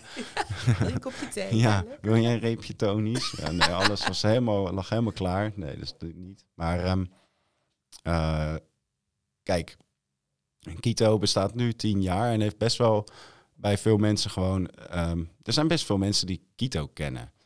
En dat bleek ook toen ik bij VGZ binnenkwam. Echt eh, best wel de, ongeveer de helft van de mensen die daar kwamen. Hé, je bent gezellig voor Kito. En ik denk, is, eh, VGZ in Arnhem. Weet je wel? Ja. En dat is best wel vet. Ehm, maar ja, Kito is niet groot. En ehm, het is ook zo dat op het moment dat wij, eh, heel- toen wij heel erg veel gingen communiceren over wat we deden en waarom we dat deden, zeg maar, of vooral over hoe wij deden wat wij deden. Ehm, er zijn er heel erg veel bedrijven geweest die daarvan hebben geleerd of hebben gevraagd naar nuances. En we hebben altijd gewoon antwoord gegeven. Altijd right to copy in plaats van copyright. We zagen het gewoon als onze taak om alle lessen die we hier leren in extreme mate, want het is hier bij Vlagen zo extreem experimenteel geweest dat ik dat ook bij Vlagen inhumaan vond. Maar daar hebben we zoveel van geleerd. Ik denk, ja, weet je, wij waren hier een soort van mini-laboratorium. het is zonde om dat soort eh, experimenten uit de praktijk niet naar buiten te brengen. Uh, dus huppatee, communiceren, communiceren. En er zijn best veel organisaties die daar ook gewoon wat aan hebben gehad. Ik kreeg bijna dagelijks kreeg ik wel berichten binnen van uh, toen ik veel op LinkedIn actief was en tijdens de podcasttijd van Lennart en mij. Bijna dagelijks een bedrijf die zei, jeetje, ik heb dit toegepast, dankjewel. Of, uh, of werknemers van een bedrijf, goh, mijn basis is eindelijk overstag. En ik denk, potverdomme, weet je, dat is echt een fijn positief effect. Nou, dat zit allemaal wel in het reguliere MKB. Terwijl grote organisaties, Lennart en mij belden voor advies. Dus grote banken en weet ik veel hoeveel talks. En overal was het ja, ja, ja, ja, ja, ja, ja. Oké, nee. uh, en dat vond ik zo bloedirritant. Um, terwijl ik juist, wat ik, wat ik wil, is dat organiserend Nederland werkelijk voor dat, voor dat menselijke beleid gaat. En werkelijk richting welzijn en welbevinden. Zowel van mensen als van de klant. En gewoon de maatschappij in het algemeen denk, ja, weet je, Quito is wel een leuk voorbeeld, maar dat is een te klein voorbeeld. En zo heb je Visie Hypotheken uh, in Amsterdam. Uh, fantastische club die het ook echt uh, volledig op people first zitten. die werken dan wel heel erg stringent volgens holacracy. Nou, dat, dat, is aan, aan hen. Hè. Dat, dat is ook oké voor mij. moeten zij weten. Maar extreem people first. En zij zeggen wel, ja, wij moeten, net als wat Tony zegt, wij moeten marktleider worden zodat we kunnen laten zien dat onze people first manier daadwerkelijk ook tot welvaart van een organisatie kan leiden. Uh, Kito heeft niet dat businessmodel en niet die uh, performance excellence voor zichzelf. Wel voor klanten, gek genoeg, want wij werken continu op KPI's voor klanten en daar kunnen we het wel, maar voor onszelf niet. Het is een soort van zelfhaat. um, maar daarin gaat Kito gewoon niet snel een levend voorbeeld zijn wat dan op dat vlak gekopieerd gaat worden door bedrijven. Want Kito is zo fluctuerend geweest in de voorbije jaren dat iedereen zegt, nou dat wil ik in ieder geval dus niet. Ja. Dus dan ga ik het maar niet doen. Um, dus ik denk, ja, weet je, dan moet ik grotere voorbeelden creëren. En als een ING uh, naar organisaties kijkt en denkt, ja, maar ja, wij zijn ING, dan heb ik liever dat ING naar een organisatie kijkt en denkt, jeetje, als zij het kunnen. Dus ik ben in de markt gewoon heel erg gaan kijken, oké, wie loopt er echt voor in mijn optiek? Um, raakte uh, betrokken bij VGZ via de zijlijn. Ik leerde daar een aantal mensen kennen en uh, ze stelden zulke diepgaandere vragen dan andere organisaties. Dat ik al merkte, oké, die zijn verder. We waren heel erg doelmatig bezig met het wel of niet toepassen van Lean Agile zelforganisatie. Uh, binnen verschillende divisies is echt kijken naar middelmatigheid in plaats van de doelmaat of uh, naar de doelmatigheid in plaats van het, ja, ik noem dat altijd doelmatigheid versus middelmatigheid. Ja, dus het is heel doelmatig handelen.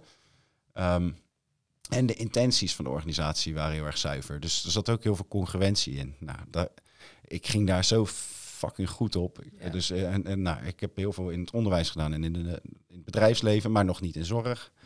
Terwijl, ja, nee, uh, de derde pijler moet ook. Dus, uh, en ik raakte uh, met meerdere mensen van VGZ in gesprek. En externe inhuur was allemaal ingewikkeld. En ik zat met processen op dat vlak. Ik denk, van een gezeik. en toen was er één collega die zei, ja, maar er is ook een vacature. Voor een soort van vrije rol als business consultant. En dan kan je je helemaal bemoeien met alle dingen die je maar wil. En ik denk dat dat precies de functie is die bij je past. Maar ja, dat ga je niet doen toch, want je bent een ondernemer. Nou, dat was waarschijnlijk precies de motivatie. Omgekeerde dus, psychologie. Ja, tuurlijk. ik ben zo verschrikkelijk makkelijk aan te zetten. Uh, ik heb een handboekknopje hier. Oh ja, precies. Zo voorspelbaar. Dus ik... Um, nee, mijn ego die uh, dreef me richting VGZ. Um, en ik ben daar nu een maand of uh, bijna vier maanden ben ik daar bezig. En ik zit ook echt op het People First, één, één organisatie, People mm -hmm. First en inclusie. Nou, dat is gewoon het thema waar je me echt, nou, en ik weet jou ook s'nachts voor kan wakker ja, maken. Gewoon een, met een organisatiegrootte, gewoon echt een serieuze tent. Hè. Dan heb je het echt over meer dan 4 miljoen klanten en miljarden omzet. maar ook een complexe organisatie, omdat het gaat over toch een publieke functie. Met toch ook, als, als zo'n grote verzekeraar heb je ook gewoon de Nederlandse bank in je nek. En, um, maar enorm missie gedreven om Nederland gezonder te maken. Dus niet om zorgverzekeraartje te spelen, maar echt te zeggen, we willen Nederland gezonder maken.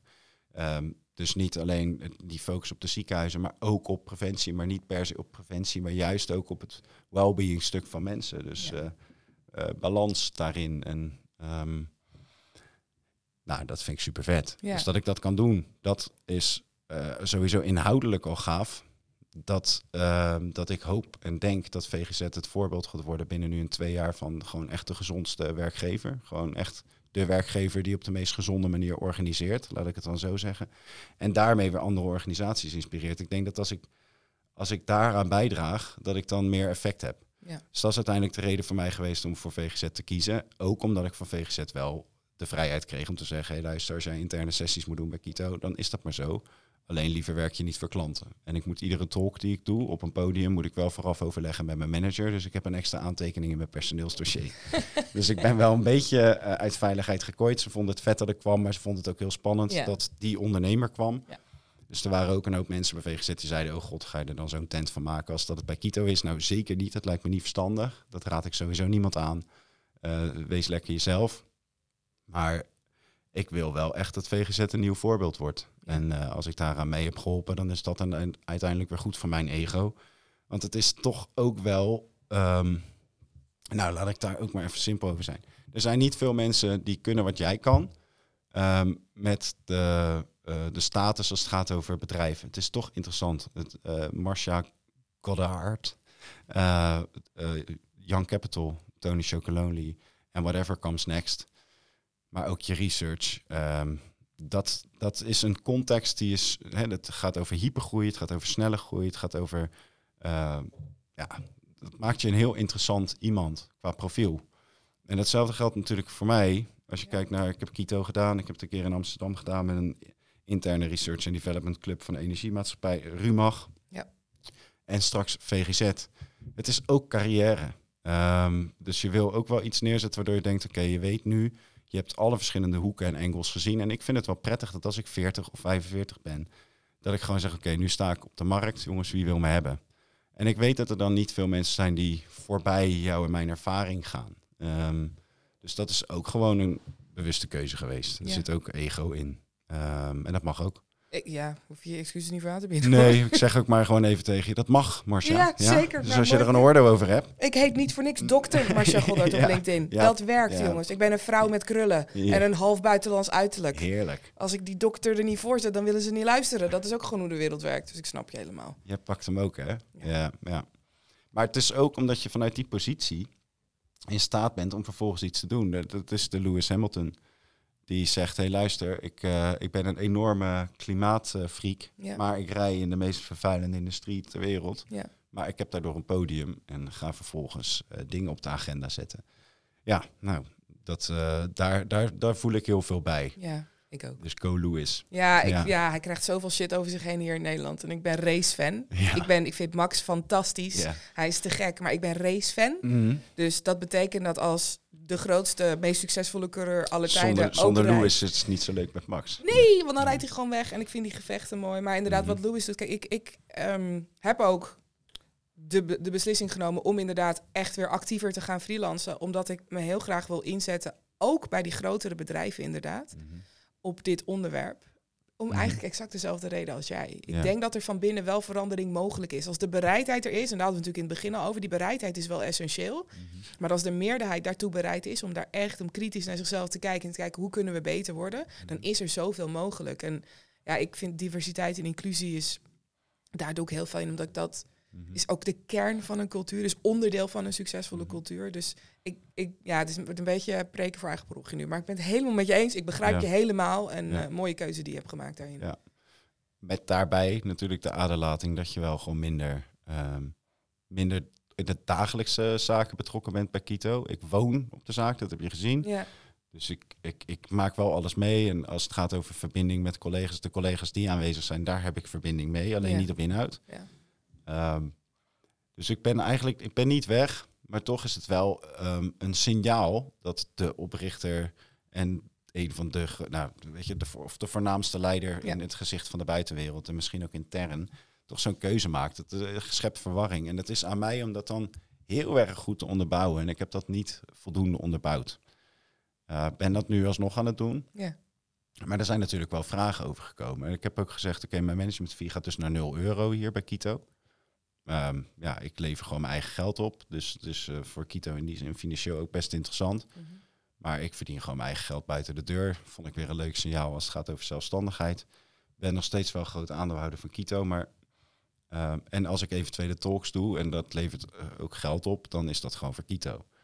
Dus ik ben eigenlijk vrijwilligerswerker voor mijn eigen tent. En dat vond ik weer iets leuk. Vond ik een nieuwe, nieuw hoofdstukje om daarin te testen. Dus het is allemaal uit goede intenties. En het is eigenlijk hartstikke nobel. Maar het signaal is hartstikke kut. Nou, ik denk dat de toelichting daarbij wel helpt. Ja, ja. ja en, dat, en dat bijt precies in zo'n periode als dit, wat ik Ja. net vertelde, bijt dat extra in mijn kont. Ja. En ik ben daar toch gewoon te, te weinig bewust van eh, het effect van mijn eigen acties. Om, en omdat ik mezelf niet voldoende serieus neem of mijn rol soms wegpoets, ga ik gewoon voorbij aan het effect wat ik soms heb. En dat wil ik gewoon niet onder, onder ogen komen. Dus, en dat is, noem ik dan maar even weglopen van mijn verantwoordelijkheid. En ergens weet ik, als je het, er- er- ja, ik kan het weten, maar ik kies ervoor om het niet te weten. Ja, dat is, dat is eh, ja, slappe lullen beleid, noem ik het wel Ja, eens. nou ja, ik snap je interne struggle wel, want je bent eigenlijk best wel een grote jongen in Mm. de, in de, ik bedoel dat niet, ik bedoel dat juist heel positief, hè? Dus een grote jongen in de, in de, in de wereld met wat je doet. Ja. En dat wil je wel, want het ego is Ego, leuk. Erudiet, ja. Maar je wil het ook niet, want je bent maar gewoon een normale, ja, gewoon een normale jongen gebleven. Ja. Dus het, het is heel begrijpelijk dat je dat conflict hebt. En ik denk dat het toelichten daarin intens gaat helpen. En ik denk dat, weet je, je bent er nog, je bent niet weg. Je zit, we zitten toch nu in het gebouw, dus het Ja, is helemaal daarom. niet dat je weg bent. Het is Nee. niet dat alles nu verloren is. Nee, het is vooral gewoon heel erg leerzaam geweest. Ja. Het is alleen wel dat je denkt, oh, damage control, hè? Ja. En, ehm, en er is zo weinig tijd, eh, want je doet al zoveel. Kijk, ik ben gescheiden, mijn zoontje slaapt eh, de helft van de week minimaal bij me, dus Ja. iets meer. Nou, geweldig. Eh, maar het is en nog het boek afschrijven met Lennart. Er komt een boek aan. Eh, bedrijf Babi Schijf gaat die heten. En, eh, we hadden een dispuut met de uitgever die de naam irritant vond. Ja, dat snap ik. Hij wilde, ja, hij wilde, ze, ze wilde het boek heel erg graag. En we waren al een jaar voor ze aan het schrijven. En na een discussie was het toch van... Nee, als de titel niet verandert, dan wordt het hem niet. De, de ondertitel die zegt, van, die zegt voldoende. Van ongezond bedrijfje spelen naar gezond organiseren. Dus Ja. dat is eigenlijk waar die over gaat.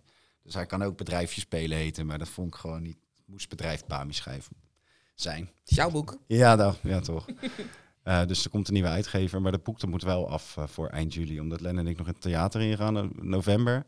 Dus je bent dat boek aan het schrijven. Het is theater, het is je zoontje en het is VGZ en het is Kito Ja. en het is de scheiding verwerken en sociaal leven. En dan denk ik wel eens, Jezus, eh, maak eens een keuzeset. Maar dat kiezen kan ik dus niet. Ehm much all, veel alles, Ja. zit in de naam. En ehm dat is bij jou ook interessant, God aard. Hey. Jeetje. ja. Waar zou dat Jezus-complex nou vandaan komen? Nou hè? Ja. ja.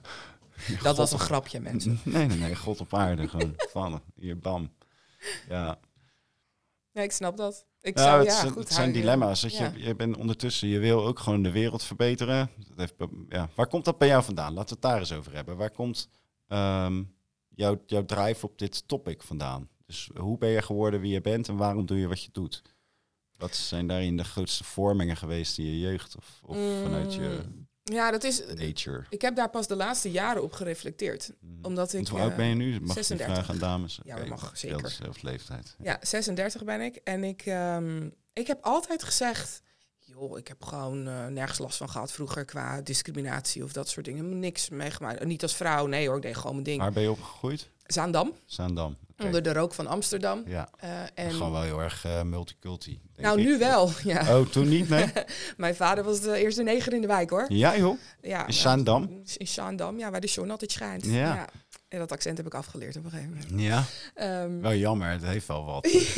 ja, nou, hmm, ja, nee. Heb je hem bij het- Tony's niet aangezet? Gewoon weer lekker in Amsterdam. Hé hey, jongens, we zijn weer op het oude nest. We nee, zijn weer thuis. nee, nee, nee. Ik, eh, heel soms komt het dan boven als ik heel eh, boos ben. Ja? Of als ik heel dronken ben. Ja? Dat gebeurt niet zo vaak meer. Nee. Ja. Eh, maar nee, ja, opgegroeid in Zaandam en ja, geboren in 1984. Dus toen had Zwarte Piet nog grote oorbellen en rode lippen. En ehm, Vond je ook niet raar? dat vond ik doodnormaal. Ja. Eh, maar ondertussen, en wederom, echt oprecht. Ik ga niet zeggen dat een wegstop trauma is, want ik ben echt helemaal oké. Maar ik heb me pas jaren later gerealiseerd wat daar wel toch gebeurde. Dus ik werd wel opgewacht na school door drie jongetjes die me gingen slaan. Omdat ik eruit zag zoals ik. En ik ben niet eens heel donker, maar mijn vader is wat donkerder. Ehm, totdat ik door had, eh, mag even, ik ben best wel groot voor mijn leeftijd. Ik kan ze aan. Toen heb ik hen in elkaar geslagen, toen hield het op. Ja. En ik denk dat dat tekenend is geweest voor hoe ik met dingen om ben gegaan. Ik heb Ja. echt een enorme bewijsdrang. En, Ja. en ik, ik ga, ik vecht. ja. En daardoor zeg ik dat ik van dingen niet last heb. Maar als je buurman de politie belt als je zeven jaar bent... Mhm. omdat je intimiderend naar hem kijkt. Ja. Dat is al erg. Maar dan komt de politie ook. En die Ja. belt niet bij de buurman aan om te zeggen... waarom bel je de politie voor een zevenjarig kind? Nee, die belt bij ons aan en gaat in discussie met Je mijn had geen donkere probleem vader. omdat je hebt gewonnen en niet op je rug bent gaan liggen, Ja. maar je had wel een wedstrijdje. Ja, ik had wel een wedstrijdje. En ik En denk wanneer, wanneer werd je wakker op dat vlak? Wanneer had je dat door? serieus pas Black Lives Matter. Ja, ja, ja. George ja, Floyd. Ja, ja, ja, ja, Net als heel veel mensen. ja. En ik ben niet ineens een onwijze activist. Want wat ik echt heel erg wil is... ehm, Maar hoe komt het dat je... Jij werd wakker, maar ook omdat werd er toen meer eh, aan jou gevraagd, waardoor je tijdens het antwoord geven dacht, oh. Of, ja. of zat je gewoon in je eentje op de bank en ging je reflecteren en dacht je, oh. Nou, het kwam voornamelijk doordat ik steeds meer opdrachten kreeg die gingen over diversiteit. Ja? was natuurlijk ineens, oh, wacht even. En Dit is ook een En onderwerp. was je beledigd of vond je dat wel handig? Nee, ik vind het prima, want ik, ik, ik ben er wel oprecht van overtuigd dat ik gevraagd ben om mijn achtergrond. Want als neurowetenschapper heb ik heel veel kennis over bias en over hoe je dus informatie verwerkt en wat voor invloed dat heeft op je gedrag. Love that. Dat wisten mensen en daardoor werd ik gevraagd. Dus dat is echt oprecht helemaal oké. Oké. Ehm, en, en waar ik ook om gevraagd ben, is omdat ik genuanceerd ben in mijn kijker op. Mhm. Iedereen heeft bias, niet heel veel mensen zijn racistisch. Mhm. Dus als je iets zegt wat racistisch overkomt, maar je intentie is niet racistisch, dan moet je leren. Ja. Maar om te leren moeten we in gesprek gaan. Ja. Dus als ik tegen jou zeg, ja, maar jij bent een blanke man, eh, jij weet niks, je bent, dan, dan komen we toch helemaal niet verder. Dus Nee. ik ben daar heel genuanceerd in. Maar door daar veel mee bezig te zijn, heb ik dat pas ontdekt eigenlijk, hoe ik daarin sta. Dat ik weet, oké, ik heb wel dingen meegemaakt en ik heb een enorme drive om het te veranderen. Maar wat ik om me heen zie, Mhm. die polarisatie van beide kanten, Ja. daar kan ik niks mee. Oké, maar nu even terug naar... Je hebt toch de keuze voor je studie gemaakt voor George Floyd. Dus, Jazeker, Dus ja. wat Nou, dreef je die kant op dan? Waarom dan? Want, Ja, eh, nou, eerst dacht ik dat ik dom was. Laat ik daar ook. Iedereen kan alles worden wat hij wil als je maar echt wil. mooi. Dat is mijn les. Want ik, heb, ehm, ik maakte op de middelbare school wat vervelende dingen mee. Mm. En waardoor ik niet gemotiveerd meer was en ik ervan overtuigd was dat ik dom was. Dus ik ben Ja. net aangeslaagd. Mhm. En ehm, toen zei ik, ik ga even een jaartje iets anders doen, want ik weet niet wat ik wil studeren. En dat was oprecht omdat ik dacht, ik ben veel te dom om te studeren. Ja. Ehm, nou ja, na een jaar ging ik dan maar wel communicatiewetenschap doen. Ik dacht, ja, dat is vast niet zo moeilijk. Huh. Weet je, zo ging ik erin. Ik was meer Ja. ah, in dansen bij Jansen. Die, dat kan ik- dat- die kan ik wel halen. die kan ik halen. Mhm. Nou, na, na een jaar dacht ik, dit gaat hem ook niet worden. Dus toen ben ik weer gestopt. Saai? En wat zeg je? Waarom saai? Nou, ja, maar ook gewoon niet gemotiveerd. Het was helemaal Nee. niet wat ik wilde doen met mijn leven. En dat, dat voelde ik wel heel duidelijk. Ehm, Dus psychologie. nee, toen ook nog niet. Nee, nee. Toen kwam eerst nog PA van een DJ. Oké. DJ Sander Kleinenberg. Ja, joh. Ja, San, in, in zijn gloriejaren, in zijn Sander. gloriejaren. Ja, zeker. Fucking ja, hell. Echt ja. waar, joh. Ja, Wat? nog met een busje naar Ibiza gereden. Mijn cultheld Oh, echt waar? uit die jaren, ja. Oh, ja, ja. grappig, Wat leuk. Ja, ja, Ja. Zijn, zijn album 5K helemaal grijs gedraaid. joh. Oh, mooi. Ja, het was heel intens. Dat eh, heb daar ook heel veel van geleerd. Ik was zalige- 21. en Zalige ik, eh, gek is dat, joh. Ja, ja. Ehm, nou ja, dat dus een tijd gedaan. Veel dus gefeest en weinig geslapen. Daar kwam het op neer. Mm. En heel hard werken. Eh, toen werd ik secretaresse bij een branchevereniging over de andere kant op klappen Ja, gesproken. natuurlijk. Super gaaf. Ja, Ja. en toen zat ik op een gegeven moment bij mijn baas in kantoor en die zag mijn cv en die zei, wat ben jij hier in godsnaam aan het doen? Ja. Waarom ga je niet studeren? Dus toen pas werd het zaadje geplant. En ik Ja. wilde psychologie studeren. Wist ik eigenlijk al heel lang, ik wilde mensen helpen. Mhm. Ik wilde gewoon mensen helpen.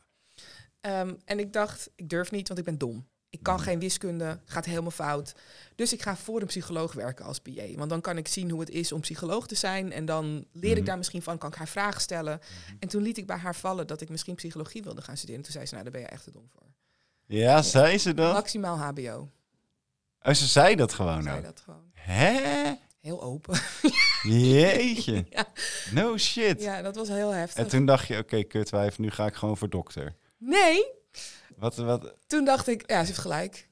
Ja, Oh. was, ja het is heel, ik heb een heel raar carrièrepad gehad. Ja, dus het duurde soms, nog soms even. ga je wel op je rug liggen, ja. Ja, ja. En toen ging ik werken voor Tribal DDB, de reclame, Mhm. reclamebureau, Ja. als eh, PA van de managing director. En toen dacht ik, fuck dit allemaal, ik moet gewoon gaan studeren. ben- ja, je merkte dat je bijna slimmer was dan die mensen daar. En, Nou, dat niet zozeer, maar meer dat ik gewoon maar het ik- duurt niet lang voordat je door hebt dat je slim bent. Nou toen ik begon met studeren, want ik, ik haakte dus af op, op eh, wiskunde. Ik dacht, ik kan die statistiek niet. Mhm. Dus ik begon aan, maar ik was zo gemotiveerd. En het was echt, ik had al een huis gekocht. Ik had Mhm. mijn baan er dus voor opgezegd. Dus ik had een fulltime studie. En ik ging Ja. daarnaast een bijbaantje doen voor 32 uur per Ja, week. exact. Heel weinig zat hem allemaal in drive en daarmee. Drive. Ja. Ik ben, en ik ben afgestudeerd met gemiddeld een 9. Ja.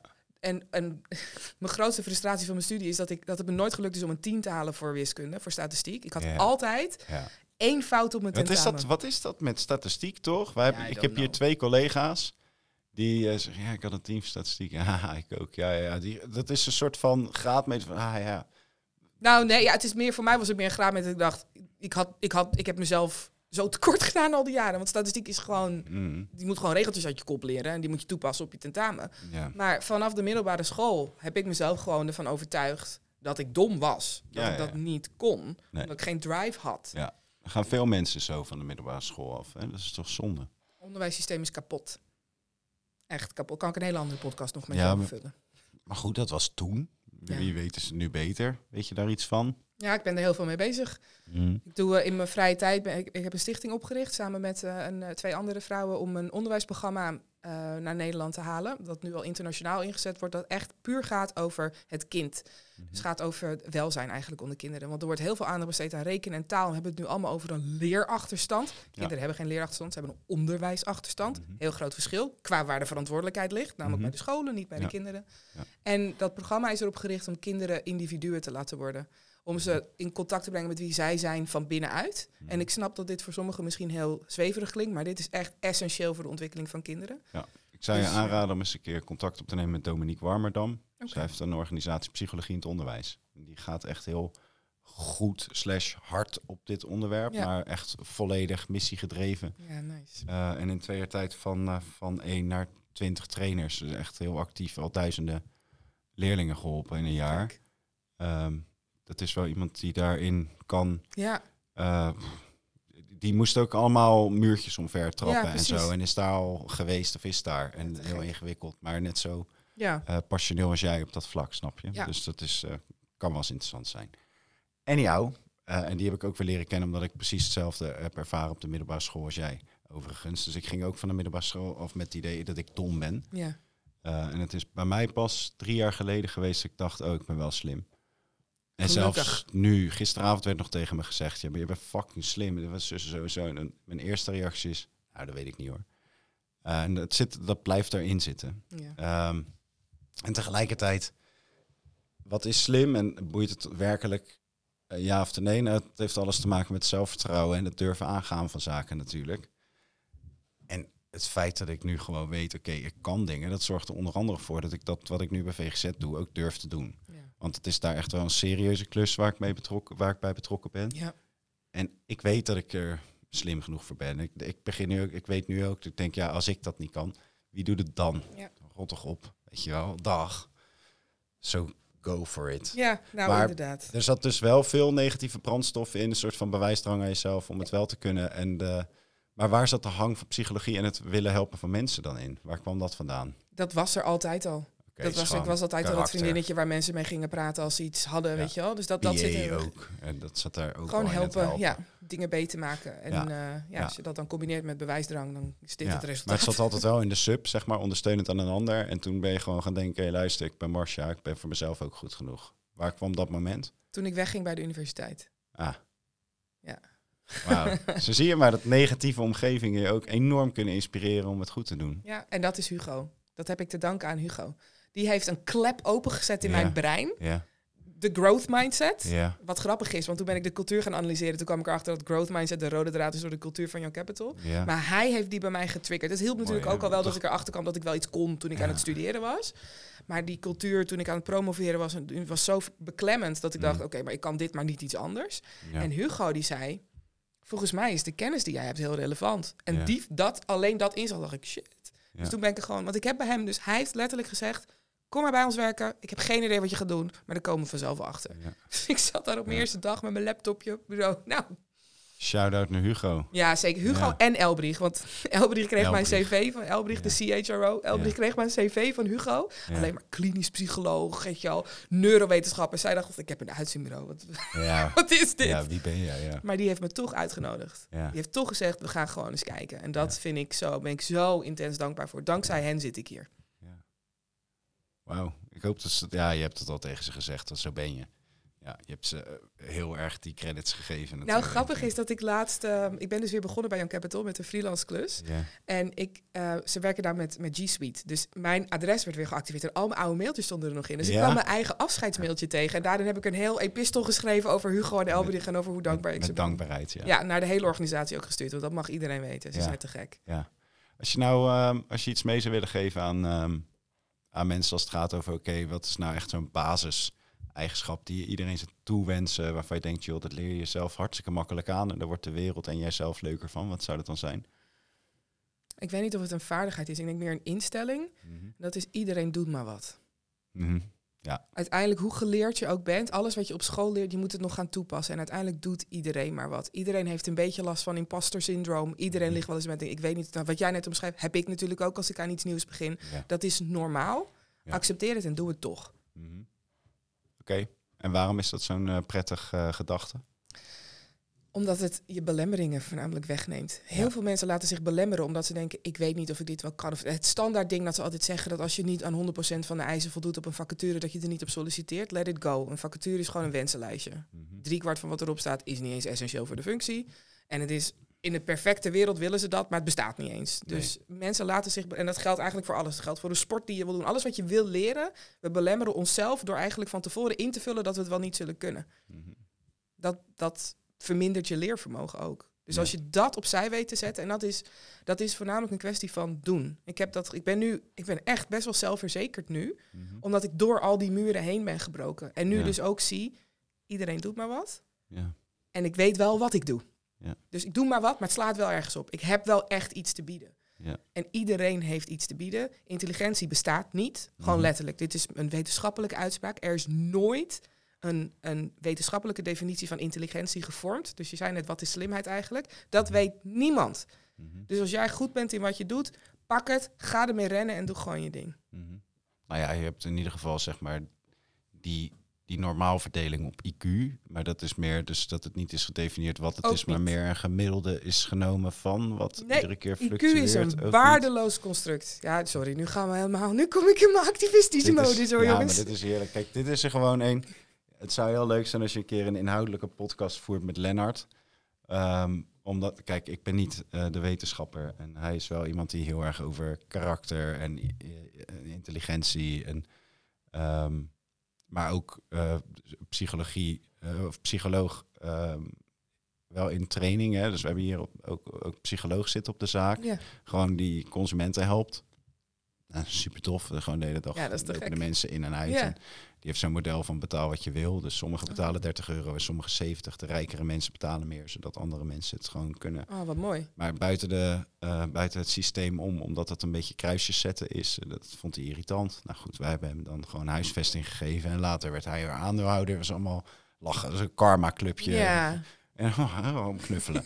en uh, anyhow, maar Lennart die loopt daar nu ook stage, dus die doet af en toe, eh, probeert hij ook psycholoog te zijn. Ja. Ehm, wat ook een enorme uitdaging is voor hem, omdat hij best wel, ehm, hij is enorm stellig en is natuurlijk, is heel erg daadkrachtig, dus hij moet je helemaal downtonen. Dat is super interessant. Maar hij, is, hij kan ook op inhoud heel erg leuk, denk ik, met je kletsen. Niet per se op discussie, maar ik denk dat je dat eh, ook leuk hoeft niet in een podcast. Maar ik zou het leuk vinden als Ja, jullie elkaar een keer ontmoeten. Ja.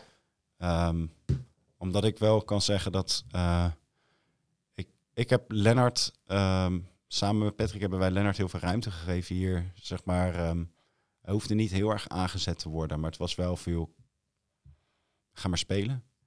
Ehm, en dat was achteraf gezien heel erg gewaagd.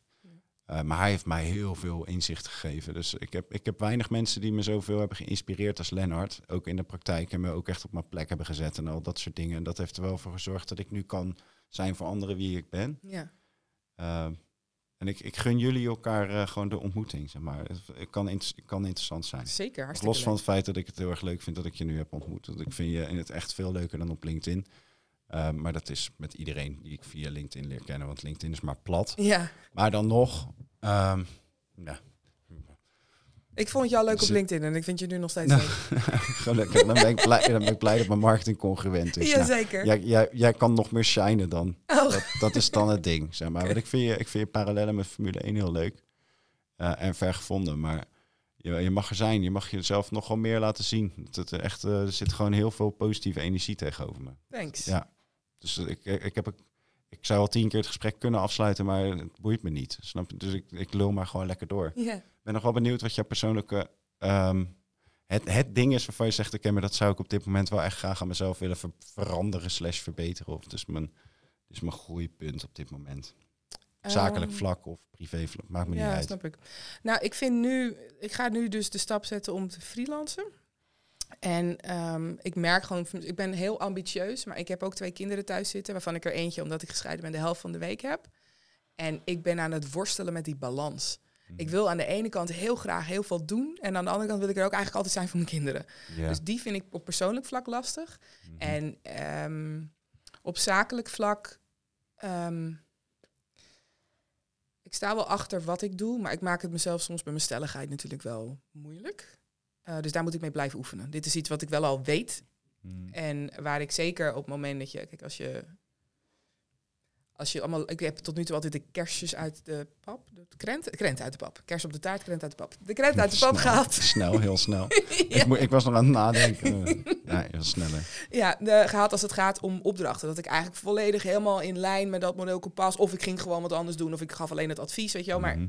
ik denk dat ik beter in mijn werk word. Als ik nog beter leer hoe ik met die, nou, ja, die boord waar je het over hebt. ehm, ehm, dat ik daar, daar zit voor mij nog een leerpunt dat ik daar beter in kan worden door de manier waarop ik dingen breng. Want ik hoor van iedereen heel stellig en ik ben heel gepassioneerd. Nou, dat is in een podcast gek. Maar soms helpt het je als je in een, vooral een eerste gesprek met, een, met, met zo'n groep mensen Mhm. even een stapje terug doet en iets meer, iets even een versnelling lager gaat, Ja. zodat je ze ook meeneemt in plaats van dat ze bij je in de auto stappen in plaats van dat je ze aan de trekhaak bindt. Dan je gewoon Mhm. keihard gaat rijden. Dus da- daar zit voor mij echt nog een leerproces. Je wilt er het liefst inschreeuwen. Je gaat al, met, je gaat, je gaat al Ja. met ze vechten nog voordat zij begonnen zijn. Ja, precies. Ja. Wat zeg je? Ja. Luisteren. Ja, maar ik heb niet gezegd dat ik niet ging luisteren. Ja. Luisteren. Ja. Nou, het, zit er, het zit er meer in gewoon de- dat ik Mm. dingen stellig zeg. Gewoon dat dit is hoe het is. En dat is natuurlijk voor een deel doordat ik er nu al een paar jaar onderzoek naar doe en gewoon ook echt denk, ja, maar dit is hoe het, weet je wel. Het, is, het komt vanuit passie, Ja. maar het komt dan bijna aanvallend over. En dat is niet handig. Nee. Mooi. En jij dan? Wat was de vraag? Oh, leren. Ja, ja, ja. Eh, nou, ik denk dat ik... ehm, ja... Het is een beetje een eh, rare duale. Enerzijds wil ik eh, heel erg graag ehm, meer begrenzen eh, richting anderen, omdat ik het idee, omdat ik merk dat er gewoon heel erg vaak over mijn grenzen heen wordt gegaan. Alleen ik roep dat zelf eigenlijk ook over mezelf af. En anderzijds, ik heb een enorme aversie tegen gekooid worden. En ehm, ik zie alles als een potentiële belemmering van mijn vrijheid. Eh, terwijl ik me wel begin te beseffen dat ik waarschijnlijk degene zelf ben die mezelf eh kooit. En daardoor zo boos wordt als een ander het doet. Weet je, terwijl ik werkelijk eh, mijn eigen vijand en tegenstander ben op dat vlak. Dus daar zit ik nu heel erg mee. En ehm, mijn laatste eh, ontwikkeling wel, die me wel heel erg heeft geholpen, is dat ik normaal gesproken was ik eh, de clown met een traan. En nu ben ik gewoon meer ehm, de kwetsbare Cedric met een lach.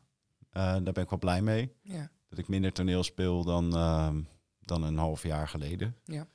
Eh, overigens ik overal, zeker in de, in de directe verbinding met mensen direct om me altijd wel helemaal 100% ik. Ehm, dus dat authentieke waar mensen het over hebben, dat klopt ook wel. Mhm. Uh, leiderschap klopt ook. Want als iemand bepaalt, beslist om jou te volgen, dan maakt dat mij een leider. Nou, daar kan ik ook niks aan doen, maar dat is dan dus zo. Ja. Zo zijn er dus ook heel veel leiders, want iedereen volgt wel iemand. Dus dat is makkelijk. Maar ehm, als ik het toneel of het podium pakte of zo, of eh, ik kom ergens voor het eerst een ruimte binnen, dan, staat dan druk ik wel op een knopje. Eh, het Paul de Leeuw knopje noem ik dat vaak. En eh, het is grappig toen ik pas een interview zag met de zoon van Paul de Leeuw, dat hij zei, nou, ik vind- papa meer irritant op televisie. Ik denk, ja precies. Dat zou Jones ook zeggen, mijn zoontje. Ja. Ja, en ik zat een tijdje geleden in de kroeg. Het was er een nieuwe, nieuwe medewerker en ehm, dat is mijn stamkroeg. Dus degene die daar al heel lang werkt, die zegt, joh Cedric, je moet daar een beetje in de zijk nemen. Ik heb gezegd dat, ik, dat je met een tang gehaald bent en dat je niet helemaal goed bij je hoofd bent. Dus ik zeg, ja is goed. Ik zal wel wat harder praten. Dus dan ga ik, ga ik instant, ga ik gewoon helemaal maniac op zo'n terras. en mijn zoontje die is daar dan bij. En die kijkt naar me en die zegt tegen die serveerster... ja, papa is een beetje gek. Maar dat, dat maakt het alleen maar nog erger. Want ik gedroeg me ook als een gek. Alleen hij beaamde ook, het, is ook echt zo. En toen dacht ik wel, eh, fuck. dus eh, hij ziet me af en toe in standjes... dat ik ook wel eens denk, ja, het hoeft niet altijd, Ja. weet je. Ja. En eh, ik vind de connectie vanuit authenticiteit maken... gewoon zoals ik nu met jou verbind, gewoon zoals wij zijn... Dat is, er, en dat is een hele duurzame. Dat is gewoon, nou, zet is oké. Het is een relaxed gast. En ik weet dat ik dat van jou vind. Dat is makkelijk. Eh, en het liefst, stel dat ik bijvoorbeeld een type als Hugo een keer zou ontmoeten, wil ik dat ook gewoon helemaal geaard doen vanuit mezelf. Want Ja. ik weet, ik ben oké. Ik hoef niet in een bepaald standje. En ik heb heel vaak dat standje aangezet. En ja, ik, ik wil die gewoon echt niet meer zien, joh. Ik ben daar helemaal klaar mee. Ja. En eh, hoe effectief die vaak ook is geweest. Het is gewoon niet oprecht. Ja, Ehm, dus dat is wel gelukt. Maar dat stuk grens en vrijheid en al dat soort shit eigenlijk mezelf toestaan om, al, om echt los te worden. Ja. Eh, los van heel veel bias en, en eh, conventionele gedachten en angsten. Nou, daar zou ik nog wel willen zijn. Maar daar moet ik ook eh, dingen voor doen die ik helemaal niet relaxed vind. Als Ja. het veel meer als het gaat over mindfulness en shit. En ik Ja. wil helemaal niet de tijd nemen voor meditatie en yoga. En ik vind er van alles van, hoe helpend het ook is. En ehm gadverdamme, weet je, dat is weer zo'n nieuwe ontwikkeling in mijn leven. Nee, Ja. alles weerstand. Ja. Gewoon fysieke... Ik zit ook met mijn armen over elkaar gewoon. Ja, ja dat. Ehm, ja, dus ik ben wel podcast-wise we Ja, uitgeluld. het is wel, hij is Ja. wel vol nu, Ja. denk ik. Ik hè? geef, ja, en dan eh, voor de luisteraar, ik geef Marcia straks even een eh, corona-approved knuffel, want ik vind het leuk dat ik haar heb ontmoet. En ik hoop dat jullie er iets aan hebben gehad als het gaat over eh, cultuurlessen. Eh, I don't know. Ehm, als je nog een vraag had willen stellen, dat kan niet. Eh, en ik weet ook nog niet waar ik deze podcast ga plaatsen, maar dat is ook irrelevant nieuws, want je luistert hem op dit moment, dus jij weet het antwoord wel. Nou, tot de volgende keer allemaal, lieve kijkbuiskinderen. En ehm Marcia, heb jij nog een laatste woord? Een fijne dag. Een fijne dag en heel veel liefs en liefde.